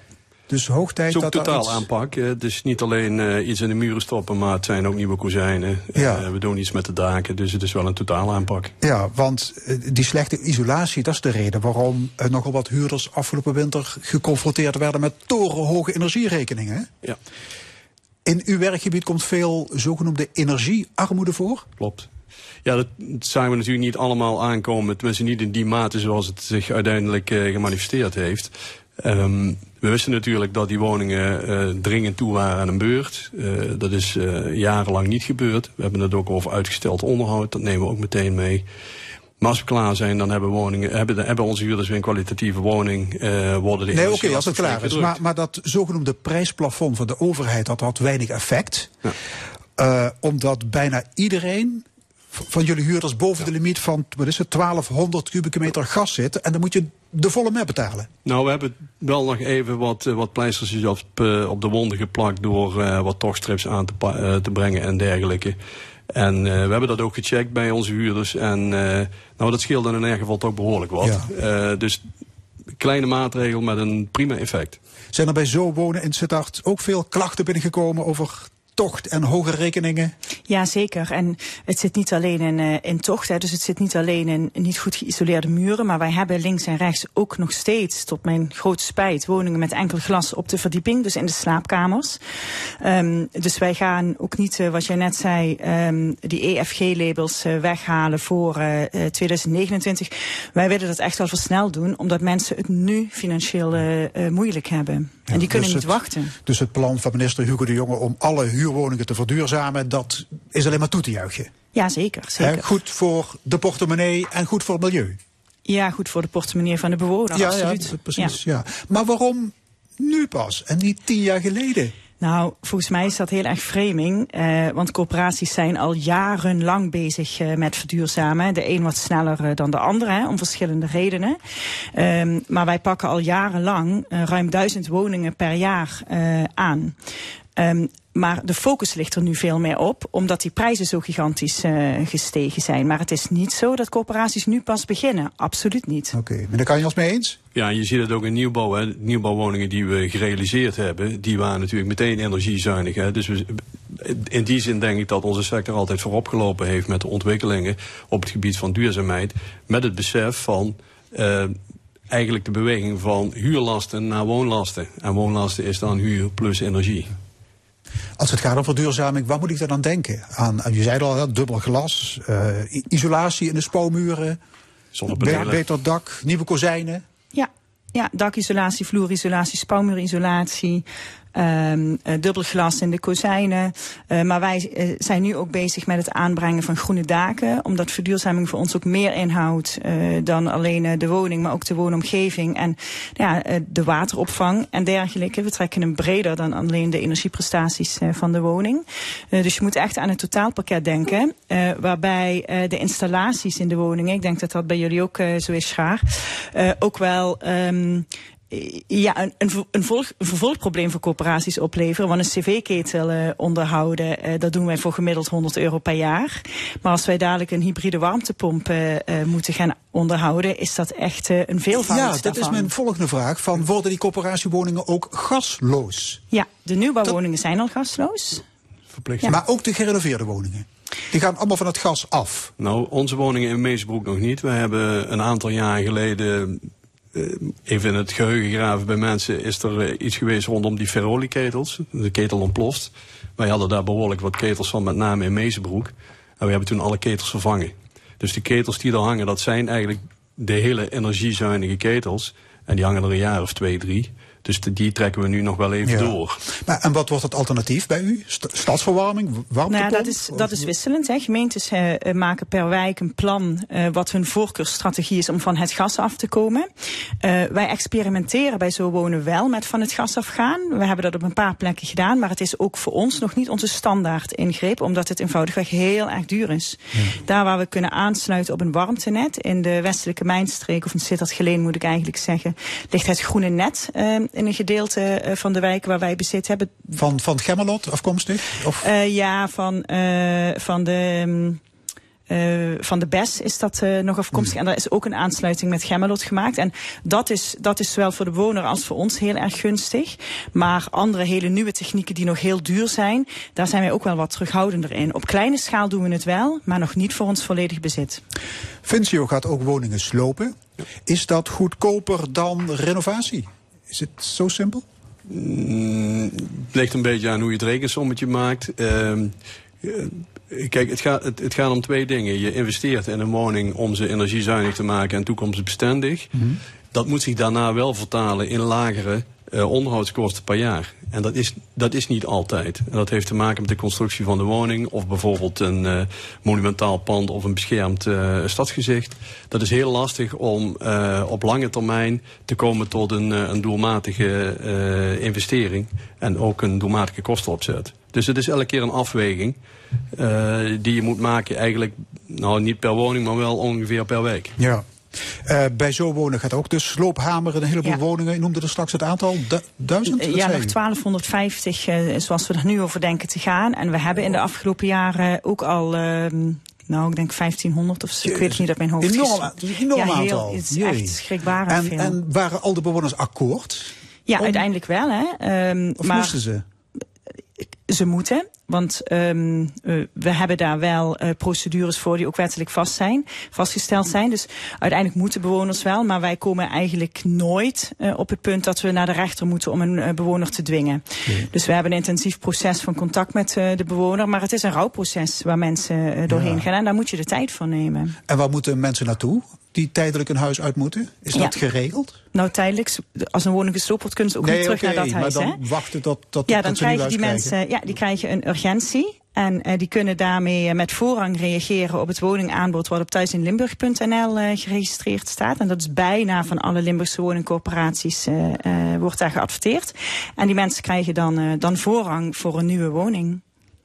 Ja, al met al, het is een forse operatie die ook heel veel geld gaat kosten. Hoe gaat u dat betalen, mevrouw Gorderij? Ja, gaat... Als woningcorporaties zijn wij uh, in tegenstelling tot wat veel mensen denken geen overheidsbedrijven. Hè. Wij moeten onze eigen broek ophouden. Dus wat er bij ons binnenkomt is de huur en uh, geld als we woningen verkopen. En daar moeten wij dat van betalen. Zo simpel is het. Hebben jullie genoeg geld in kas om uh, die kosten van sloop, nieuwbouw, renovatie te bekostigen? Nou, in kas niet, maar uh, een, een systeem wat opgezet is uh, door de sector zelf, dat, dat zorgt ervoor dat we goedkoop kunnen lenen, goedkoper dan de marktrente. Dus wij gaan de komende jaren gaan wij toch zo'n 150 miljoen lenen. 150 miljoen lenen, ja. En gelukkig is de verhuurdersheffing afgeschaft. Ja. Hè, Ja. Ieder jaar werd het eigen vermogen afgeroomd door het Rijk. Nou, daar zijn de corporaties vanaf 1 januari eh, vanaf. Dat levert u, geloof ik, in Sittard, zo wonen 7 miljoen euro op, hè? Ja, per jaar. Eh, zeker, dus dat is heel fijn. En we zijn er ook heel blij mee dat die eh, heffing is afgeschaft. Maar als ik je een rekensommetje geef, het levert 7 miljoen per jaar op. En de rentestijging, in combinatie met het leningvolume, wat ook wij hè, moeten aantrekken Oh, maar voor meneer, renovatie. meneer zei net van, eh, we, kun- we kunnen goedkoop lenen. We kunnen zeker goedkoop lenen, maar ook wij betalen gewoon rente. En daar waar wij vorig jaar februari, maart 0,8 procent betaalden, betalen we nu bijna 4 procent. Dat is nog steeds goedkoop, maar dat is wel een veelvoud daarvan. En daar gaat in ons geval eigenlijk die hele verhuurdersheffing alweer, dat voordeel gaat er alweer aan op. Maar het is even goed fijn dat die verhuurdersheffing eraf is en ook terecht. Ja, maar die 7 miljoen, die verdampt weer. Ja, die verdampt. Ja, en ook de stijgende kosten van de aannemers natuurlijk. Ja, ik hoorde u brom, ik dacht dat u nog iets wilde zeggen. Nou, maar... nou, wat ik ook wil zeggen is, eh verduurzamen beperkt zich niet alleen tot eh, de woningen eh, zelf. Ehm hittestress is natuurlijk ook een van de zaken die nu langzaam naar boven komen. Hè. Dus eh, gewoon het... Met andere woorden, er moet groen, bomen, struiken worden Precies, en, geplant. en, en, en dus eh, heb je ook de samenwerking nodig met en de particuliere sector en eh, de gemeente. Om te zorgen dat het niet alleen energiezuinig is, maar ook leefbaar blijft in, in de woning en in de wijk. Goed, een andere tegenvaller is dat minister De Jonge de huren niet wil verhogen. Sterker nog, hij wil een huurverlaging. Dus jullie worden op kosten gejaagd en tegelijkertijd gaan de huren omlaag. Hoe, hoe legt de minister dat uit? Ja, ehm, het ministerie betaalt natuurlijk de huurtoeslag uit. En ehm, dat is heel duur. Eh, dus de minister heeft coöperaties gedwongen om per 1 juli aanstaande eh, de huren van huishoudens met een inkomen tot 120% van het bijstandsniveau te verlagen tot 575 euro en een paar cent. In het geval van zo wonen levert ons dat 3 miljoen minder huuropbrengst eh, op dan als we de huren niet zouden mogen moeten verlagen. En tegelijkertijd verlangt de minister van u dat u de hele boel gaat verduurzamen. En ook nog dat we heel veel gaan nieuwbouwen. Ja. hoe, hoe moet dat dan? Ja, wij lenen heel erg veel. Eh, Lenen, dat is het hem. Ja. Zijn er nog andere beren op de weg bij deze operatie, meneer Kanjels? Nou, ik, Ik heb begrepen dat de materiaalkosten de pan uitreizen. Ja, nou, dat, dat is, dat, dat is, een, dat is een, het volgende probleem. Eh, de kosten eh, die, die stijgen flink. Die stijgen, de inflatie op, op datgene eh, wat wij eh, moeten betalen... eh, overstijgt meer, meerdere malen datgene wat, we aan inkomsten, eh, wat er aan inkomsten meegroeit.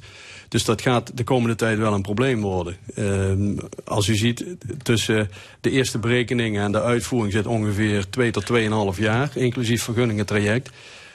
Als we dan, dan, dan moeten wij dus percentages optellen. Wat hier een tientje kost, kost op het moment van uitvoering misschien inmiddels wel 13 euro. Ja, jullie zijn ooit op afstand gezet door, door het Rijk. Misschien moeten jullie weer terug onder de vleugels van, van het departement Volkshuisvesting. Nou ja, kijk, je- de, de minister zegt, eh, eh, eh, toen, de, toen de overheid meer regie had, werd er veel meer gebouwd. En daar heeft hij gelijk in. Hè, de tijd van de wederopbouw, et cetera. Maar hij vergeet wel één heel belangrijk ding. Dat de overheid toen ook een hele grote portemonnee had, die het allemaal betaalde. En dat geld is er nu niet. Er zijn wel eh, subsidiemogelijkheden, maar dat is bij lange na niet genoeg om te realiseren wat we moeten realiseren. Waarbij geld één kant van het probleem is, maar de beschikbaarheid van grondposities is een tweede Ja, daar, eh, daar, daar, probleem. daar, daar kom ik op. Ehm, eh, ja, ander punt, er is woningnood. Er is grote vraag naar sociale huurwoningen. Eh, hoe lang sta je bij eh Vinsio Wonen op de wachtlijst? Nou, eh Janine gaf het net al aan. Er is een, eh, een regionaal woonruimteverdeelsysteem. dat heet Thuis in Limburg. En in principe is de wachtlijst bij elke corporatie hetzelfde. Want je krijgt een bepaalde positie eh, eh, in het rijtje. En hoe lang duurt het, gemiddeld? Een beetje afhankelijk van de woning. Soms eh, eh, vier maanden. Maar eh, als mensen de voorkeur hebben voor een bepaalde straat... en alleen daar willen wonen... kan het natuurlijk makkelijk eh, misschien wel 7, 8, 9 jaar duren. Dus het ligt een beetje aan de Afhankelijk van de- flexibiliteit van de, Ja, van de, woningzoekende. Nu wil minister De Jonge 900.000 woningen bijbouwen. 13% sociale huurwoning. Daar zijn eh, prestatieafspraken over gemaakt met jullie. Maar hoe realistisch zijn die plannen? Mevrouw Ehm, Godderij, directeur van Zo ja. Wonen. Nou, in Limburg uh, gaat het om 9000 sociale huurwoningen. En daar heb ik ook heel bewust mijn handtekening onder gezet, in Schaar ook. Hè. Alle Limburgse corporaties hebben meegetekend voor die ambitie. Want ik vind dat ook nodig. Um, maar de reden om die handtekening te zetten is ook gelegen in het feit dat we dan als corporatie aan tafel uh, zitten. Want wij lopen tegen de uh, problemen aan. En als ik die meteen vooraan kan benoemen en ook een partnerschap kan vragen als corporatiesector bij gemeentes, bij de provincie en bij andere uh, partijen. Dat is de enige manier om het te laten lukken. Bovendien... Ja, ja, want deskundigen die zeggen van de minister heeft stokken achter de deur nodig om zijn beleid af te dwingen. Met andere woorden, ja, daar komt gewoon niks van terecht van die plannen. Die 900.000 woningen. Het is een uitdaging. Is, ja. ja. Geloven jullie erin? Kijk, als er grond is, kun je bouwen. Zo simpel is het in feite. Ja, maar je zit ook met stikstof. Je zit met, u zei het net, gestegen ja. rente, met hoge bouwkosten. Uh, dat, ja, het probleem met, is er voldoende bouwgrond? Kortom.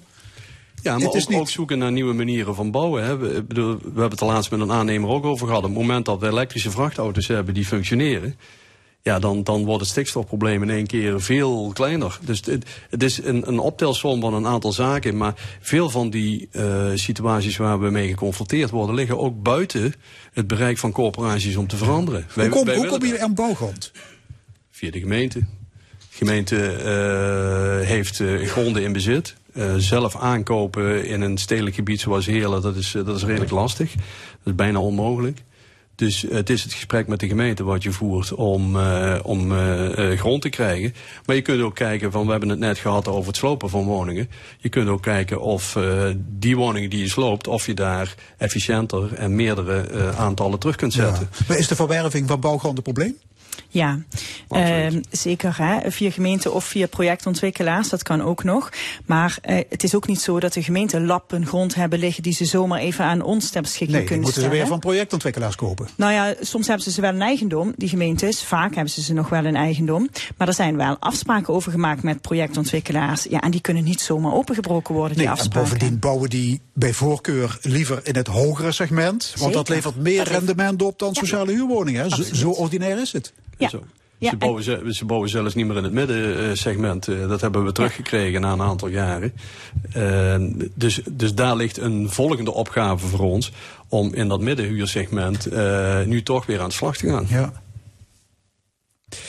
Goed, afrondend. We zetten de klok, uh, wat is het, zes jaar verder. Is de grote verduurzaming van corporatie huurwoningen dan gerealiseerd? Ja, bij ons wel. ja, uh, als, ja. Dat zit, het is gepland. Maar uh, zoals ik net al zei, het, is, het ligt niet alleen aan ons. Het, de rest moet ook meespelen. En als de rest uh, meespeelt en, uh, en een aantal knelpuntjes oplost, dan, uh, dan denk ik dat we dat zeker kunnen ja. En in heel Nederland gaat het om honderdduizenden woningen. Ja, ja dat klopt. Ja. ja. maar de verduurzaming is slechts één van de vele ambities. van? En of de, van een woningcoöperatie hè, die ons eigen keuze zijn, maar ook opgelegd worden of die totale ambitie gerealiseerd is. Ja, dat is een heel mooi spel. Daar gaan we voor. Maar de verduurzaming, ik denk dat dat wel uh, best wel gaat lukken. Oké. Okay. Hartelijk dank, corporatiedirecteur Janine Godderij van Zo Wonen en Gerard Kanjels van Vinci Wonen. Dank jullie wel. Graag gedaan. Graag en zo meteen in de stemming het opiniepanel over het bezoek van president Zelensky aan Oekraïne en andere actuele onderwerpen. Ook de column van Jos van Wersch, allemaal na Betty Lavette Down to Zero.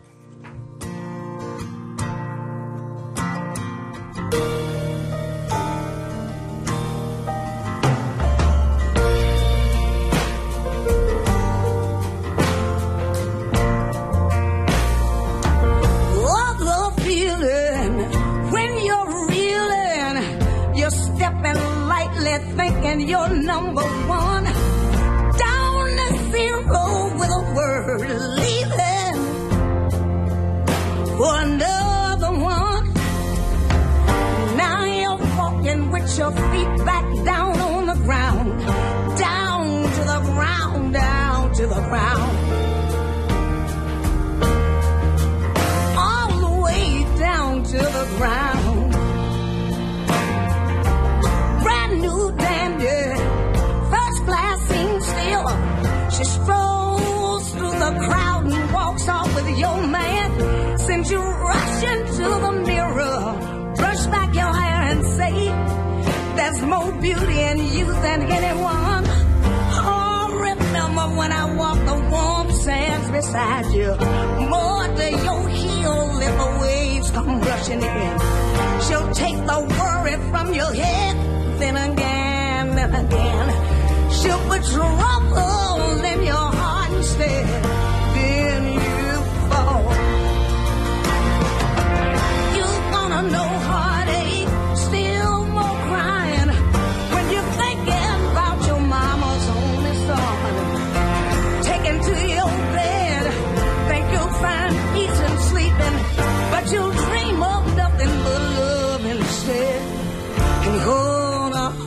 Heartache you'll find can bring more pain than a blistering sun.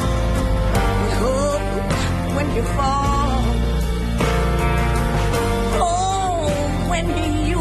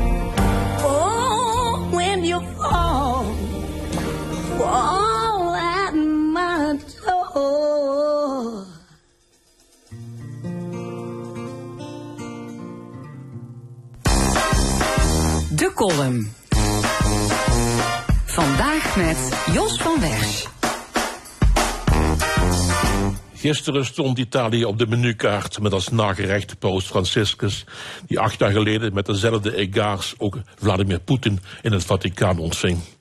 Vannacht landde president Zelensky in Berlijn, waar in alle vroegte frühstückte met zijn ambtgenoot Steinmeier. En over pakweg een uurtje reist Zelensky door naar Aken om de Karelsprijs in ontvangst te nemen. Het zoveelste eerbetoon voor een kleine grote man op het wereldpodium die inmiddels zoveel air miles bij elkaar heeft gevlogen dat hij zeven keer op en neer kan naar de maan. Ik vraag me intussen steeds vaker af hoe het de honderd Oekraïners in mijn eigen gemeente vergaat. Verspreid over vijf locaties doden zij de tijd in een afgeschreven basisschool, voetbalkantine, pastorie, gemeentehuis en voormalig rijkbankgebouw, waar leden van de, zeg maar, bokkenrijdersbende, de Wagnergroep van de 18e eeuw, ter dood werden veroordeeld. Verleden jaar schreef ik voor een tijdschrift wekelijks over deze honderd Oekraïners. Ik struikelde over de plaatselijke vrijwilligers toen de eerste vluchtelingen onder luid gejuich in Beekdalen arriveerden. Af en toe, maar steeds minder, denk ik aan dat Oekraïense tienermeisje op de eerste verdieping van de voormalige basisschool in Vaasrade. Zij had op tv de genocide in Butsja gezien, waar de straten bezaaid lagen met lichamen van haar landgenoten. Oorlog is miljoenen malen het drama van één, zei Hans van Milo tijdens een dodenherdenking. Wie één leven redt, redt de hele wereld, zagen we in Schindlers List van Steven Spielberg. Maar wat koop je voor zulke gewichtige woorden als uitzichtloosheid, een totaal gebrek aan privacy en onderlinge spanningen je lot zijn? Soms is er een verzetje. Op Koningsdag krijgen de Oekraïnse moeders en hun kinderen gratis friet met frikandel in de speeltuin van de Vaasrade. Daar hebben ze volop van genoten, vertellen de speeltuinvoorzitter. En ze mogen bovendien elke dag gratis op de wip, de schommel, de glijbaan en naar de kinderboerderij. De Oekraïnse mama's in Beekdalen vieren vandaag geen moederdag. Dat doen ze pas weer als hun landgenoten niet meer sneuvelen. Maar wanneer is dat? Het aangekondigde offensief van het Oekraïnse leger zal de oorlog niet beëindigen. De Oekraïners vechten niet alleen tegen het Russische leger, maar ook voor de publieke opinie in het Westen. Als het Oekraïnse offensief geen noemenswaardige successen oplevert, zal de steun geleidelijk afnemen nu de afdeling eigen volk eerst in menig westers land groeit als kool en heus niet alleen in Denemarken. Vanmiddag op een half uurtje rijden van Maastricht krijgt Zelensky een overdovend applaus in de Krönungszaal des Aachener Raadhuizes. 130 geaccrediteerde journalisten uit heel Europa zijn in Aken. Net zoals EU-voorzitter Ursula von der Leyen, die Zelensky voor de zoveelste keer uitbundig zal omhelzen en kussen. Want Poetin en zijn trouwanten moeten vooral zien dat we achter Oekraïne blijven staan. De Oekraïners in Beekdalen vragen zich af of ze ooit nog naar huis kunnen. Ook al is hun held Zelensky nog zo vaak op tv en op reis. Want nog een jaar lang, elke dag naar de speeltuin, zelfs op moederdag, dat trekken ze niet meer. De column was dat van Jos van Wersch. Laatste onderdeel van de stemming is het discussiepanel. Vandaag over vriendschapsbanden met Chinese steden, de stopgezette staking bij VDL Netcar en Zelensky in Aken. Ik heet van harte welkom Marens Langen, fractievoorzitter van de PvdA Maastricht, Jan de Wit, ex-Kamerlid voor de SP en Karen Leunissen, voormalig voorzitter van het CDA Limburg. Ja, meerdere steden en regio's hebben inmiddels besloten om hun vriendschapsbanden met Chinese partners te verbreken. Die steden die hebben moeite met schendingen van de mensenrechten in China. En bovendien lijken die Chinezen niet echt in vriendschap geïnteresseerd, maar willen ze hun positie wellicht misbruiken. Eh, De provincie Limburg die wil nog geen besluit nemen over de band met Sichuan. Ehm, is dat eh, uit te leggen waarom de provincie zegt van we wachten nog even af, we, we kijken nog even aan? Nou ja, wat, Maar een slang? Wat mij betreft eh, persoonlijk niet. Ehm, je ziet het wel eh, meer. Hè. In Maastricht hebben we ook nog steeds een eh, vriendschappelijke Zeker. stedenband met Chengdu.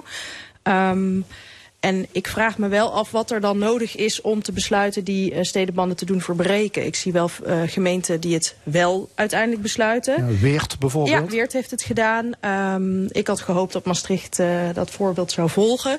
Maar je ziet toch gemeenten, en dat is ook een beetje de lijn van de provincie, die zeggen, nou ja, weet je, we kijken ook naar wat het binnenlands beleid is hè, van de Rijksoverheid. En dat is vooralsnog niet en masse verbreken, dus doen we het niet. Ehm, ja, ik ben zelf van mening dat je op een lokaal en provinciaal niveau volgens mij de afweging moet maken eh, wie je tot je eh, vriendschappen wil rekenen. Hè. Het gaat hier om vriendschappelijke stedenbanden. En wat mij betreft horen de Chinese steden daar eh, niet meer bij. Nee? Iemand anders aan tafel, Jan de Wit, daar een andere mening over?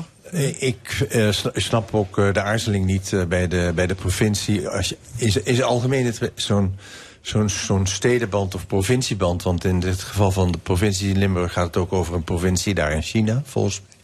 Maar ja, waar, ga- waar gaat het om? Eh, oorspronkelijk wordt dat verdedigd als vriendschapsbanden, zoals je zelf ook eh, noemt.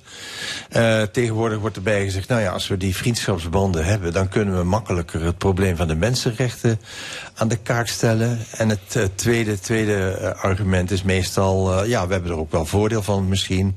Hè, er komen massa's mensen uit Sichuan naar, naar Limburg. En misschien willen er wel wat Chinezen gaan investeren. Het is eigenlijk, als je het goed bekijkt, allemaal helemaal niks. Van alles niks.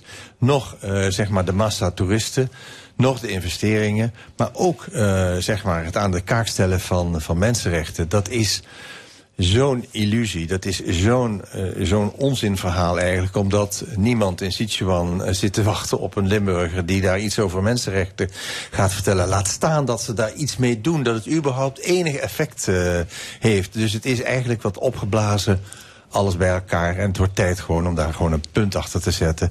Nog los van het verhaal van de universiteit, want dat is Ja. gewoon nog iets anders. Dat is wel iets anders. Maar even de, de provincie, eh, Karel. Ja, het is een moeilijk probleem, denk ik. Eh, enerzijds eh, moet je de afweging maken. Is er schending van de mensenrechten? Dat bestaat al veel langer. Dat is zo. Als dat voldoende reden is om de banden te verbreken, moet je dat doen.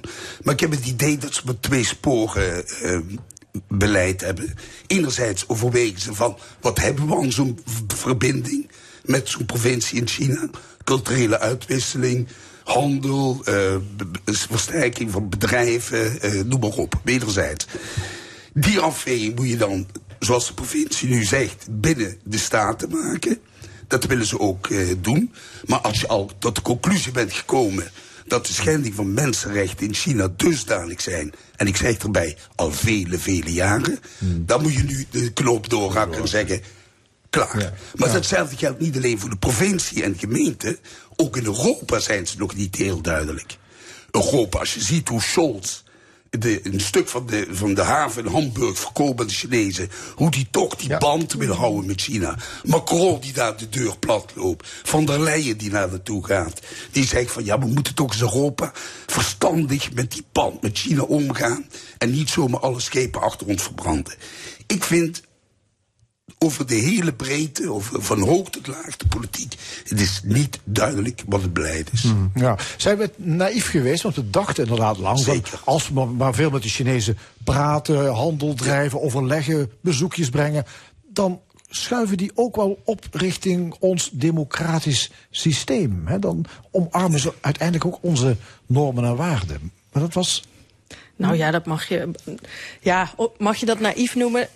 Wanneer is het naïef, hè? Als je echt daarin gelooft. Ik denk eerlijk gezegd dat je aan de voorkant eh, best had kunnen weten dat dat helemaal niet is wat er gaat gebeuren. Als je maar lang genoeg investeert. Want dat is natuurlijk helemaal niet waar de Chinezen op zitten te wachten. Die zitten helemaal niet te wachten op een, eh, op een Nederlandse gemeente, provincie of zelfs in Europa dat hun gaat eh, op de vinger stikt over de mensenrechten. En als het wel gebeurt, dan ja. Dan negeren ze het, want er verandert niks. Ja, dus, Ehm, dus wel, de, de- op die manier is het altijd uitgelegd. Hè? Dat was de motivatie om dit soort zogenoemde vriendschapsbanden Ja. aan te gaan. Ja, nee, maar je ziet hoe de Chinezen het eigenlijk ge- gebruiken. Misbruiken kan je het ook zeggen. Dat zie je op de universiteiten. Of althans in ieder geval bij de Universiteit in Amsterdam. Hè, waar ze tonnen per jaar aan een instituut hebben gegeven in een reeks van jaren. Met het oog op het verspreiden van hun visie over de mensenrechten. Dat is een hele andere visie dan wij. En die, dat instituut aan de VU heeft dat ook gedaan. De nieuwe visie op de mensenrechten, waarin bijvoorbeeld economie veel belangrijker is dan de individuele eh, mensenrechten.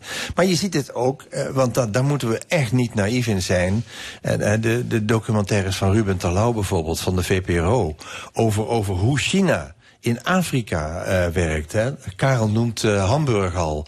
Je kunt ook de haven in Athene noemen, eh, die helemaal in handen van de Chinezen is. Dus de Chinezen eh, toch, ondanks alles, ik noem het gewoon maar imperialisme. eh, wat we vroeger van het eh, kapitalisme zeiden. Dat het de, de wereldmacht nastreeft op een gewiekste manier.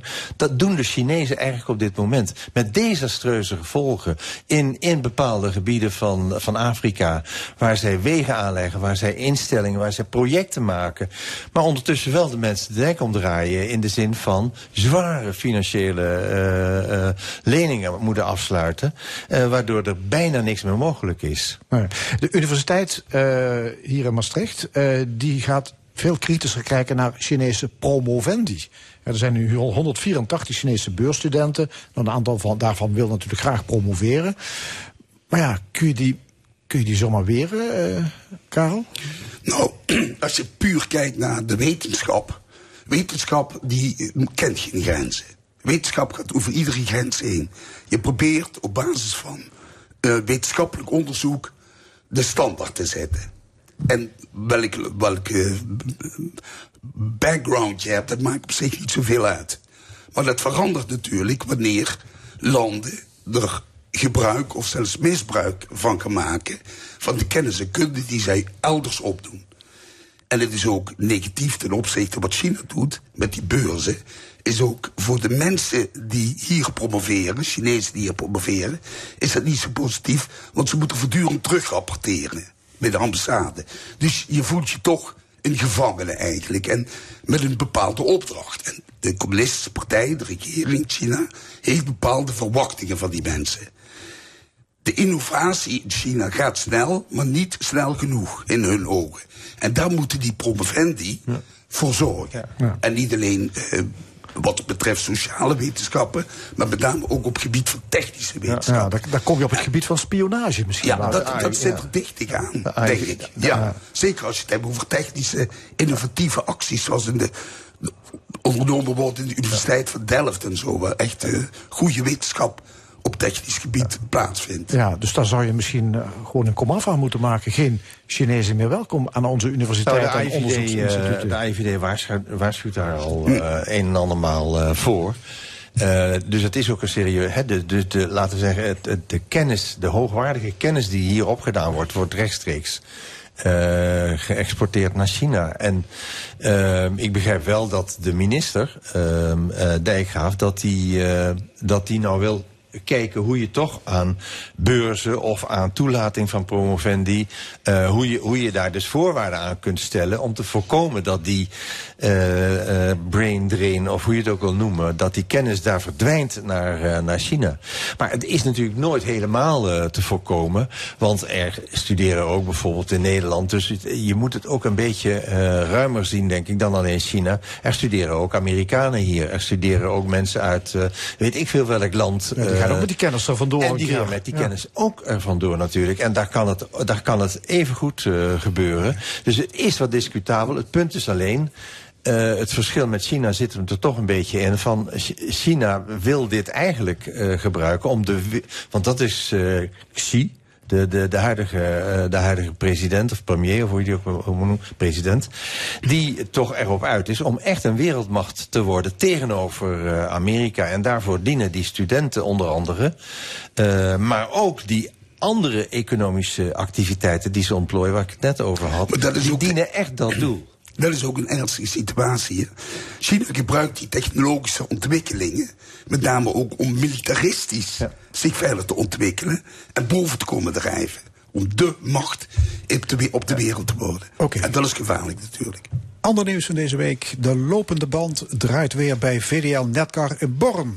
De hele week werd er gestaakt om een beter sociaal plan af te dwingen. Zoals bekend dreigt er een massa-ontslag bij de autofabriek waar bijna 4000 mensen werken. VDL Netcar kwam donderdag met een verbeterd sociaal plan op te proppen. Eh, mag je stellen dat het stakingswapen zijn vruchten heeft afgeworpen? Heeft dit geloond? Maar een slangen?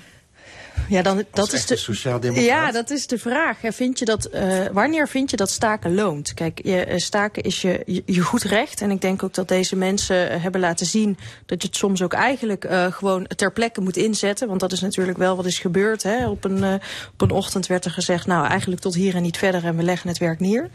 Ehm, en of het loont.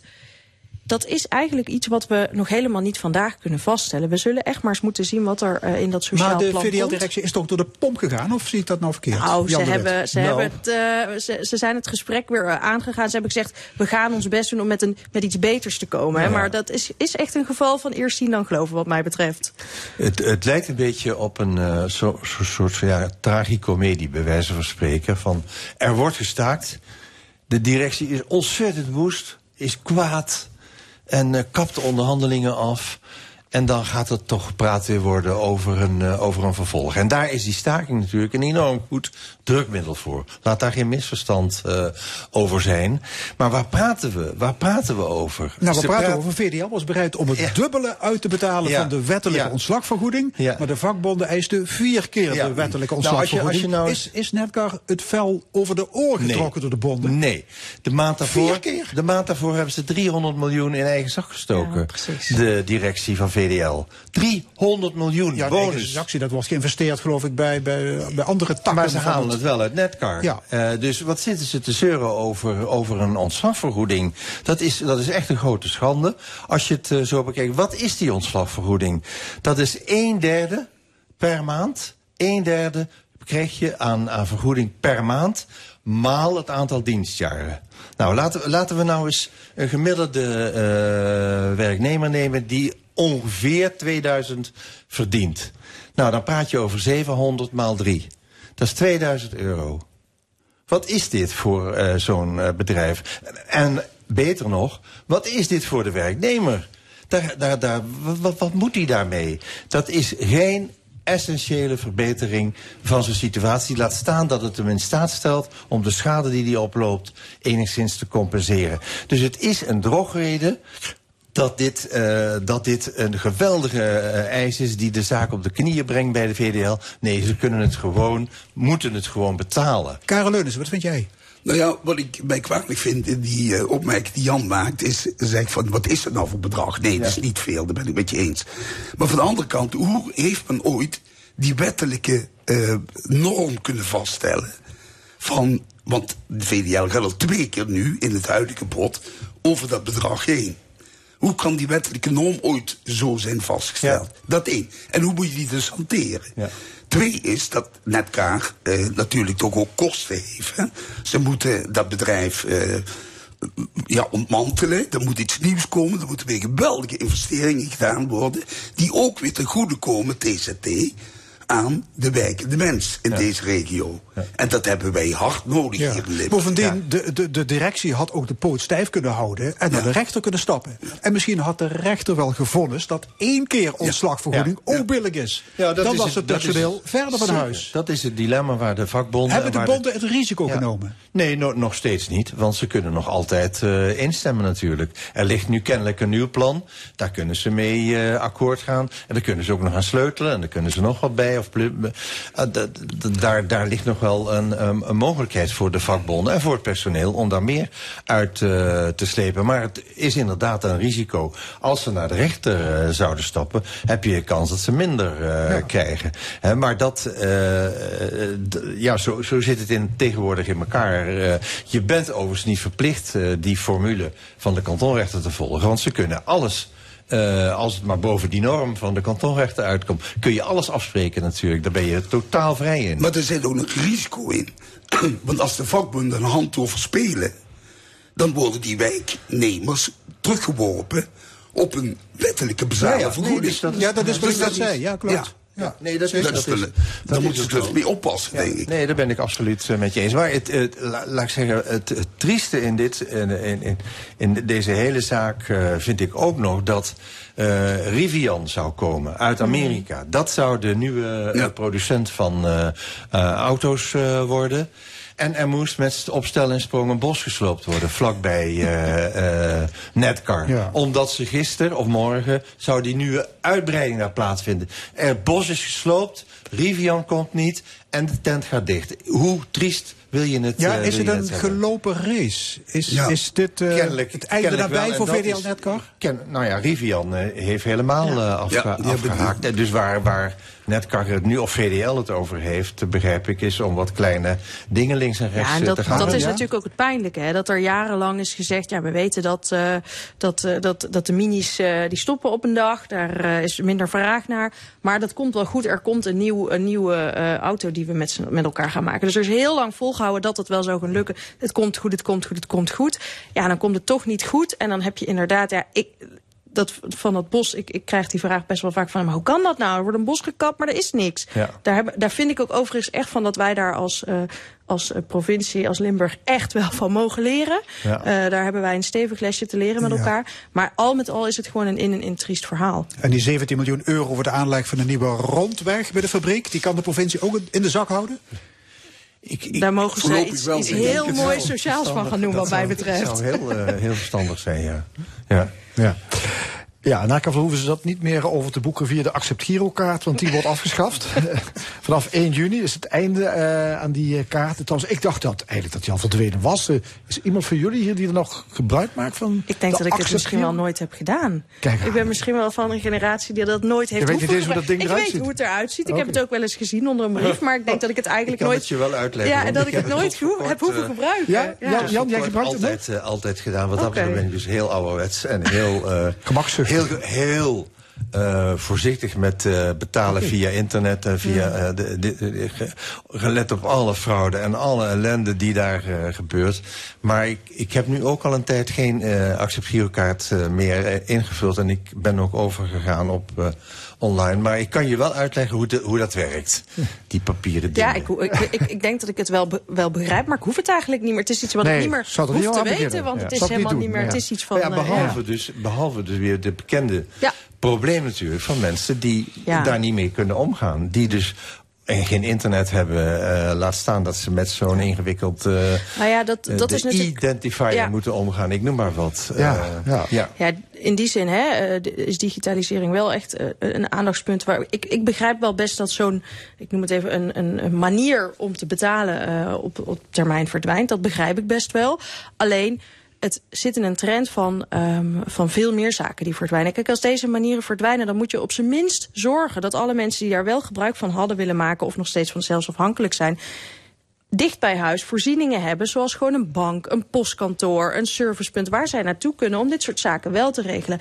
En als het past in de Ja. trend van alles weg uit de buurt, alles maar weghalen, mensen helemaal eh, laten leunen op dat internet en alles moet maar digitaal. Ja, dat gaat natuurlijk niet. Er zijn mensen die, die nu gewoon eigenlijk nergens meer terecht Ja. kunnen. Dat is echt een verkeerde trend.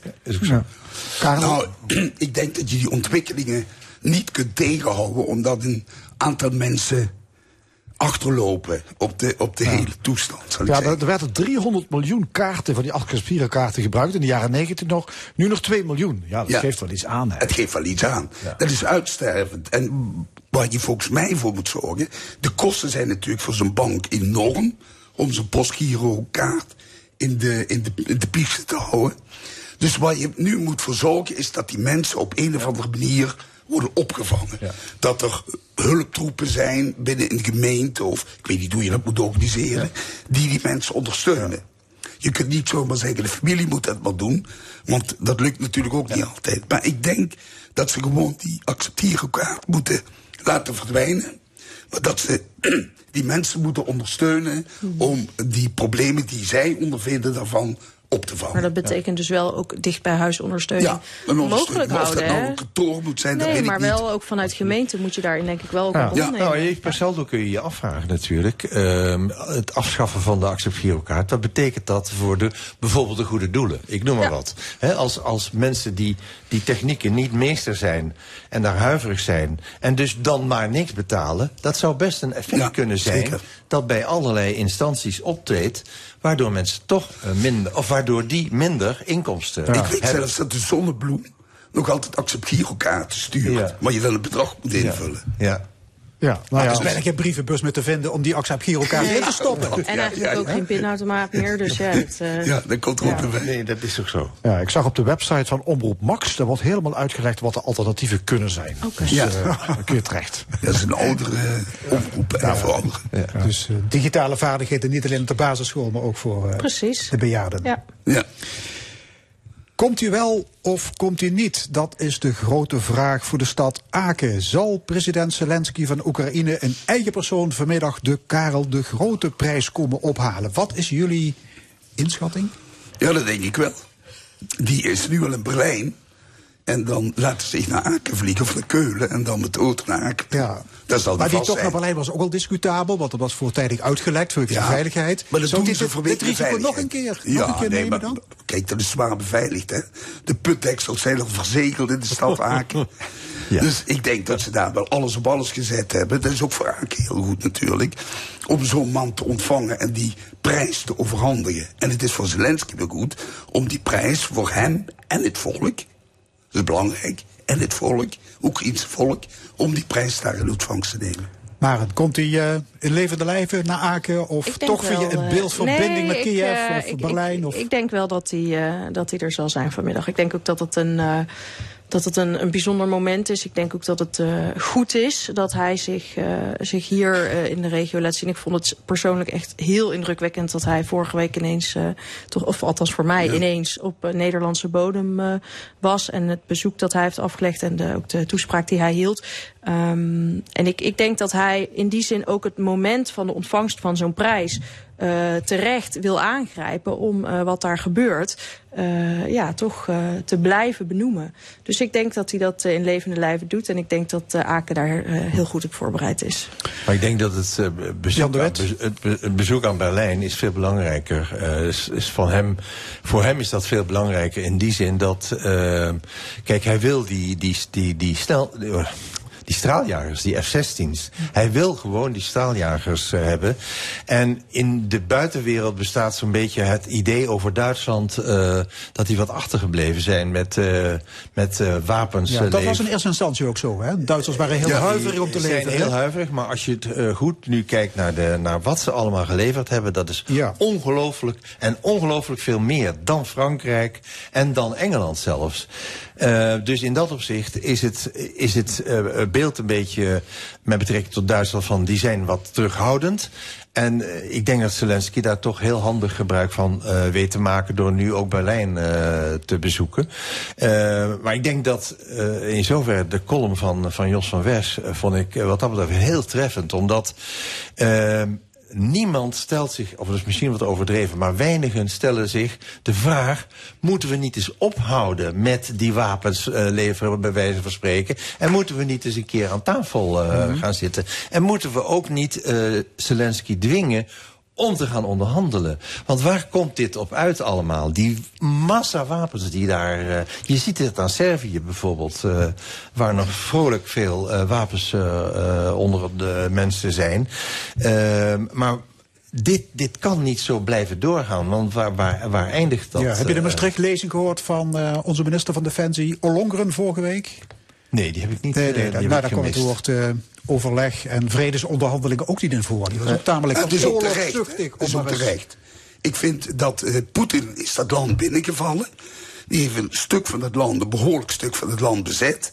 De mensen leven daar in misery. Hè, die Oekraïners die in dat bezette gebied leven, wonen. Dus dat Zelensky met het Westen probeert om die, die stuk land terug te krijgen. Dat is natuurlijk mandatory. Dat kan niet anders. Dat moet.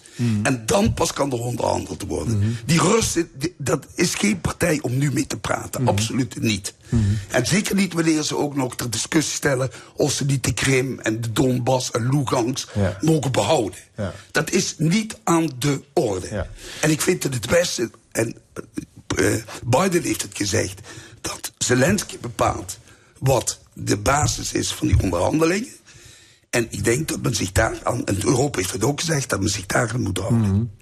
Maar Geen andere dat, dat, is natuurlijk de vraag, waar eindigt dit? Omdat eh, hij is nu weer in eh, die ene Bashmut, eh of hoe heet die plaats? Ja, Bakhmut. Bakhmut, Bakhmut is die, eh, schijnen dus de Russen nu weer eh, aan het terugtrekken te zijn. Hè, dus dat... Ja, de Oekraïners zijn bezig om een offensief voor te bereiden. Ja, maar, dus, bete- maar dus dan kan je zeggen, nou je hebt toch een bepaalde positie eh, verworven. Rusland, dat is voor de buitenwereld ook duidelijk, eh, die, die heeft het op dit moment niet meer. Eh, dus die is niet in staat de naam die ze hadden en de faam die ze hadden, bij wijze van spreken, waar te maken. Gelukkig overigens. Maar ehm, je- je- eigenlijk kan je zeggen, ja, eh, de positie van Oekraïne is heel sterk. Omdat hij kan zeggen, oké, wil je doorgaan, dan krijg je de volle laag. Maar als ze stoppen, dan versterkt Rusland zich weer. Dus dat is geen mogelijkheid. Je Maar kunt hoe niet wil je de tijd dat de Rusland- Russen Maar wat wil je? je? Je kunt Rusland Ze moeten op de knieën. verslaan. Ja, moeten maar dan komen ze volgend jaar weer naar binnen. Nee, maar dan moet je zorgen dat... Dat weet Ja. ik niet hoe dat verder Ja, gaat. maar dat ben ik geen, topmilitair. Ja. Maar ze moeten natuurlijk ehm, Rusland eh, zodanig op de knieën krijgen...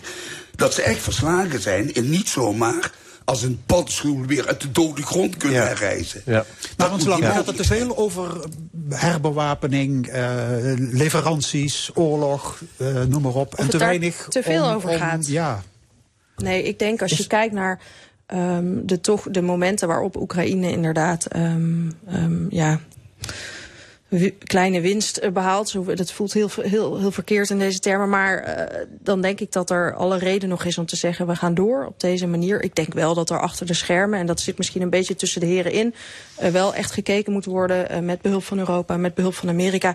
Wat komt daarna en wanneer is dat moment? En dat zal, eh, ik ben het ermee Ja, eens... dat Zelensky daarin eh, voorop moet lopen. Maar, daar hoor je wij niks moeten wel over, hè? klaarstaan. Ja. Daar hoor je niks nee, dat hoor je dus helemaal. Nou ja, dat, dat was dan in de marge van de bezoeken nu aan, eh, aan eh, Duitsland. eh, hoorde ik dan gisteren op, op Radio 1 dat de. Hij is ook bij de, wat Jos van Wers ook zei, hij is ook bij de paus geweest. Het, schijnt dat het Vaticaan onderhandelingen aan het voeren is. Het schijnt dat er ook door Duitsland gepraat wordt. Maar niemand weet dat. Dat klopt. Wat daarmee... eh, Nou, wat- iedereen voert onderhandelingen. China is ermee bezig, weet ik wie. Ja, Allemaal dat- onmachtige pogingen die tot niets leiden. En de paus zal ook niks kunnen doen. Mhm. Ja, is dat zo? Nee, wat moet hij doen? Wat heeft hij voor Ja, ik weet ingang? het niet. Ik- het klopt die, heel, Die eh, zijn tijd kijkt, die, die, die Cyril, dat is een totale vreemdeling voor de paus, denk ik. hartelijk dank. Discussiepanel vandaag met eh, Jan de Wit, Karel Leunissen en Maren Slangen. Dit was de stemming, vandaag gemaakt door Tine Holleman, Fons Geraerts en Frank Ruber. Graag tot volgende week zondag, weer om 11 uur. En dit programma is na te luisteren op onze website l1.nl en via podcast. Zometeen Paul Verstegen vanaf het Fun Pop Festival in Horst. Ik wens u nog een mooie zondag.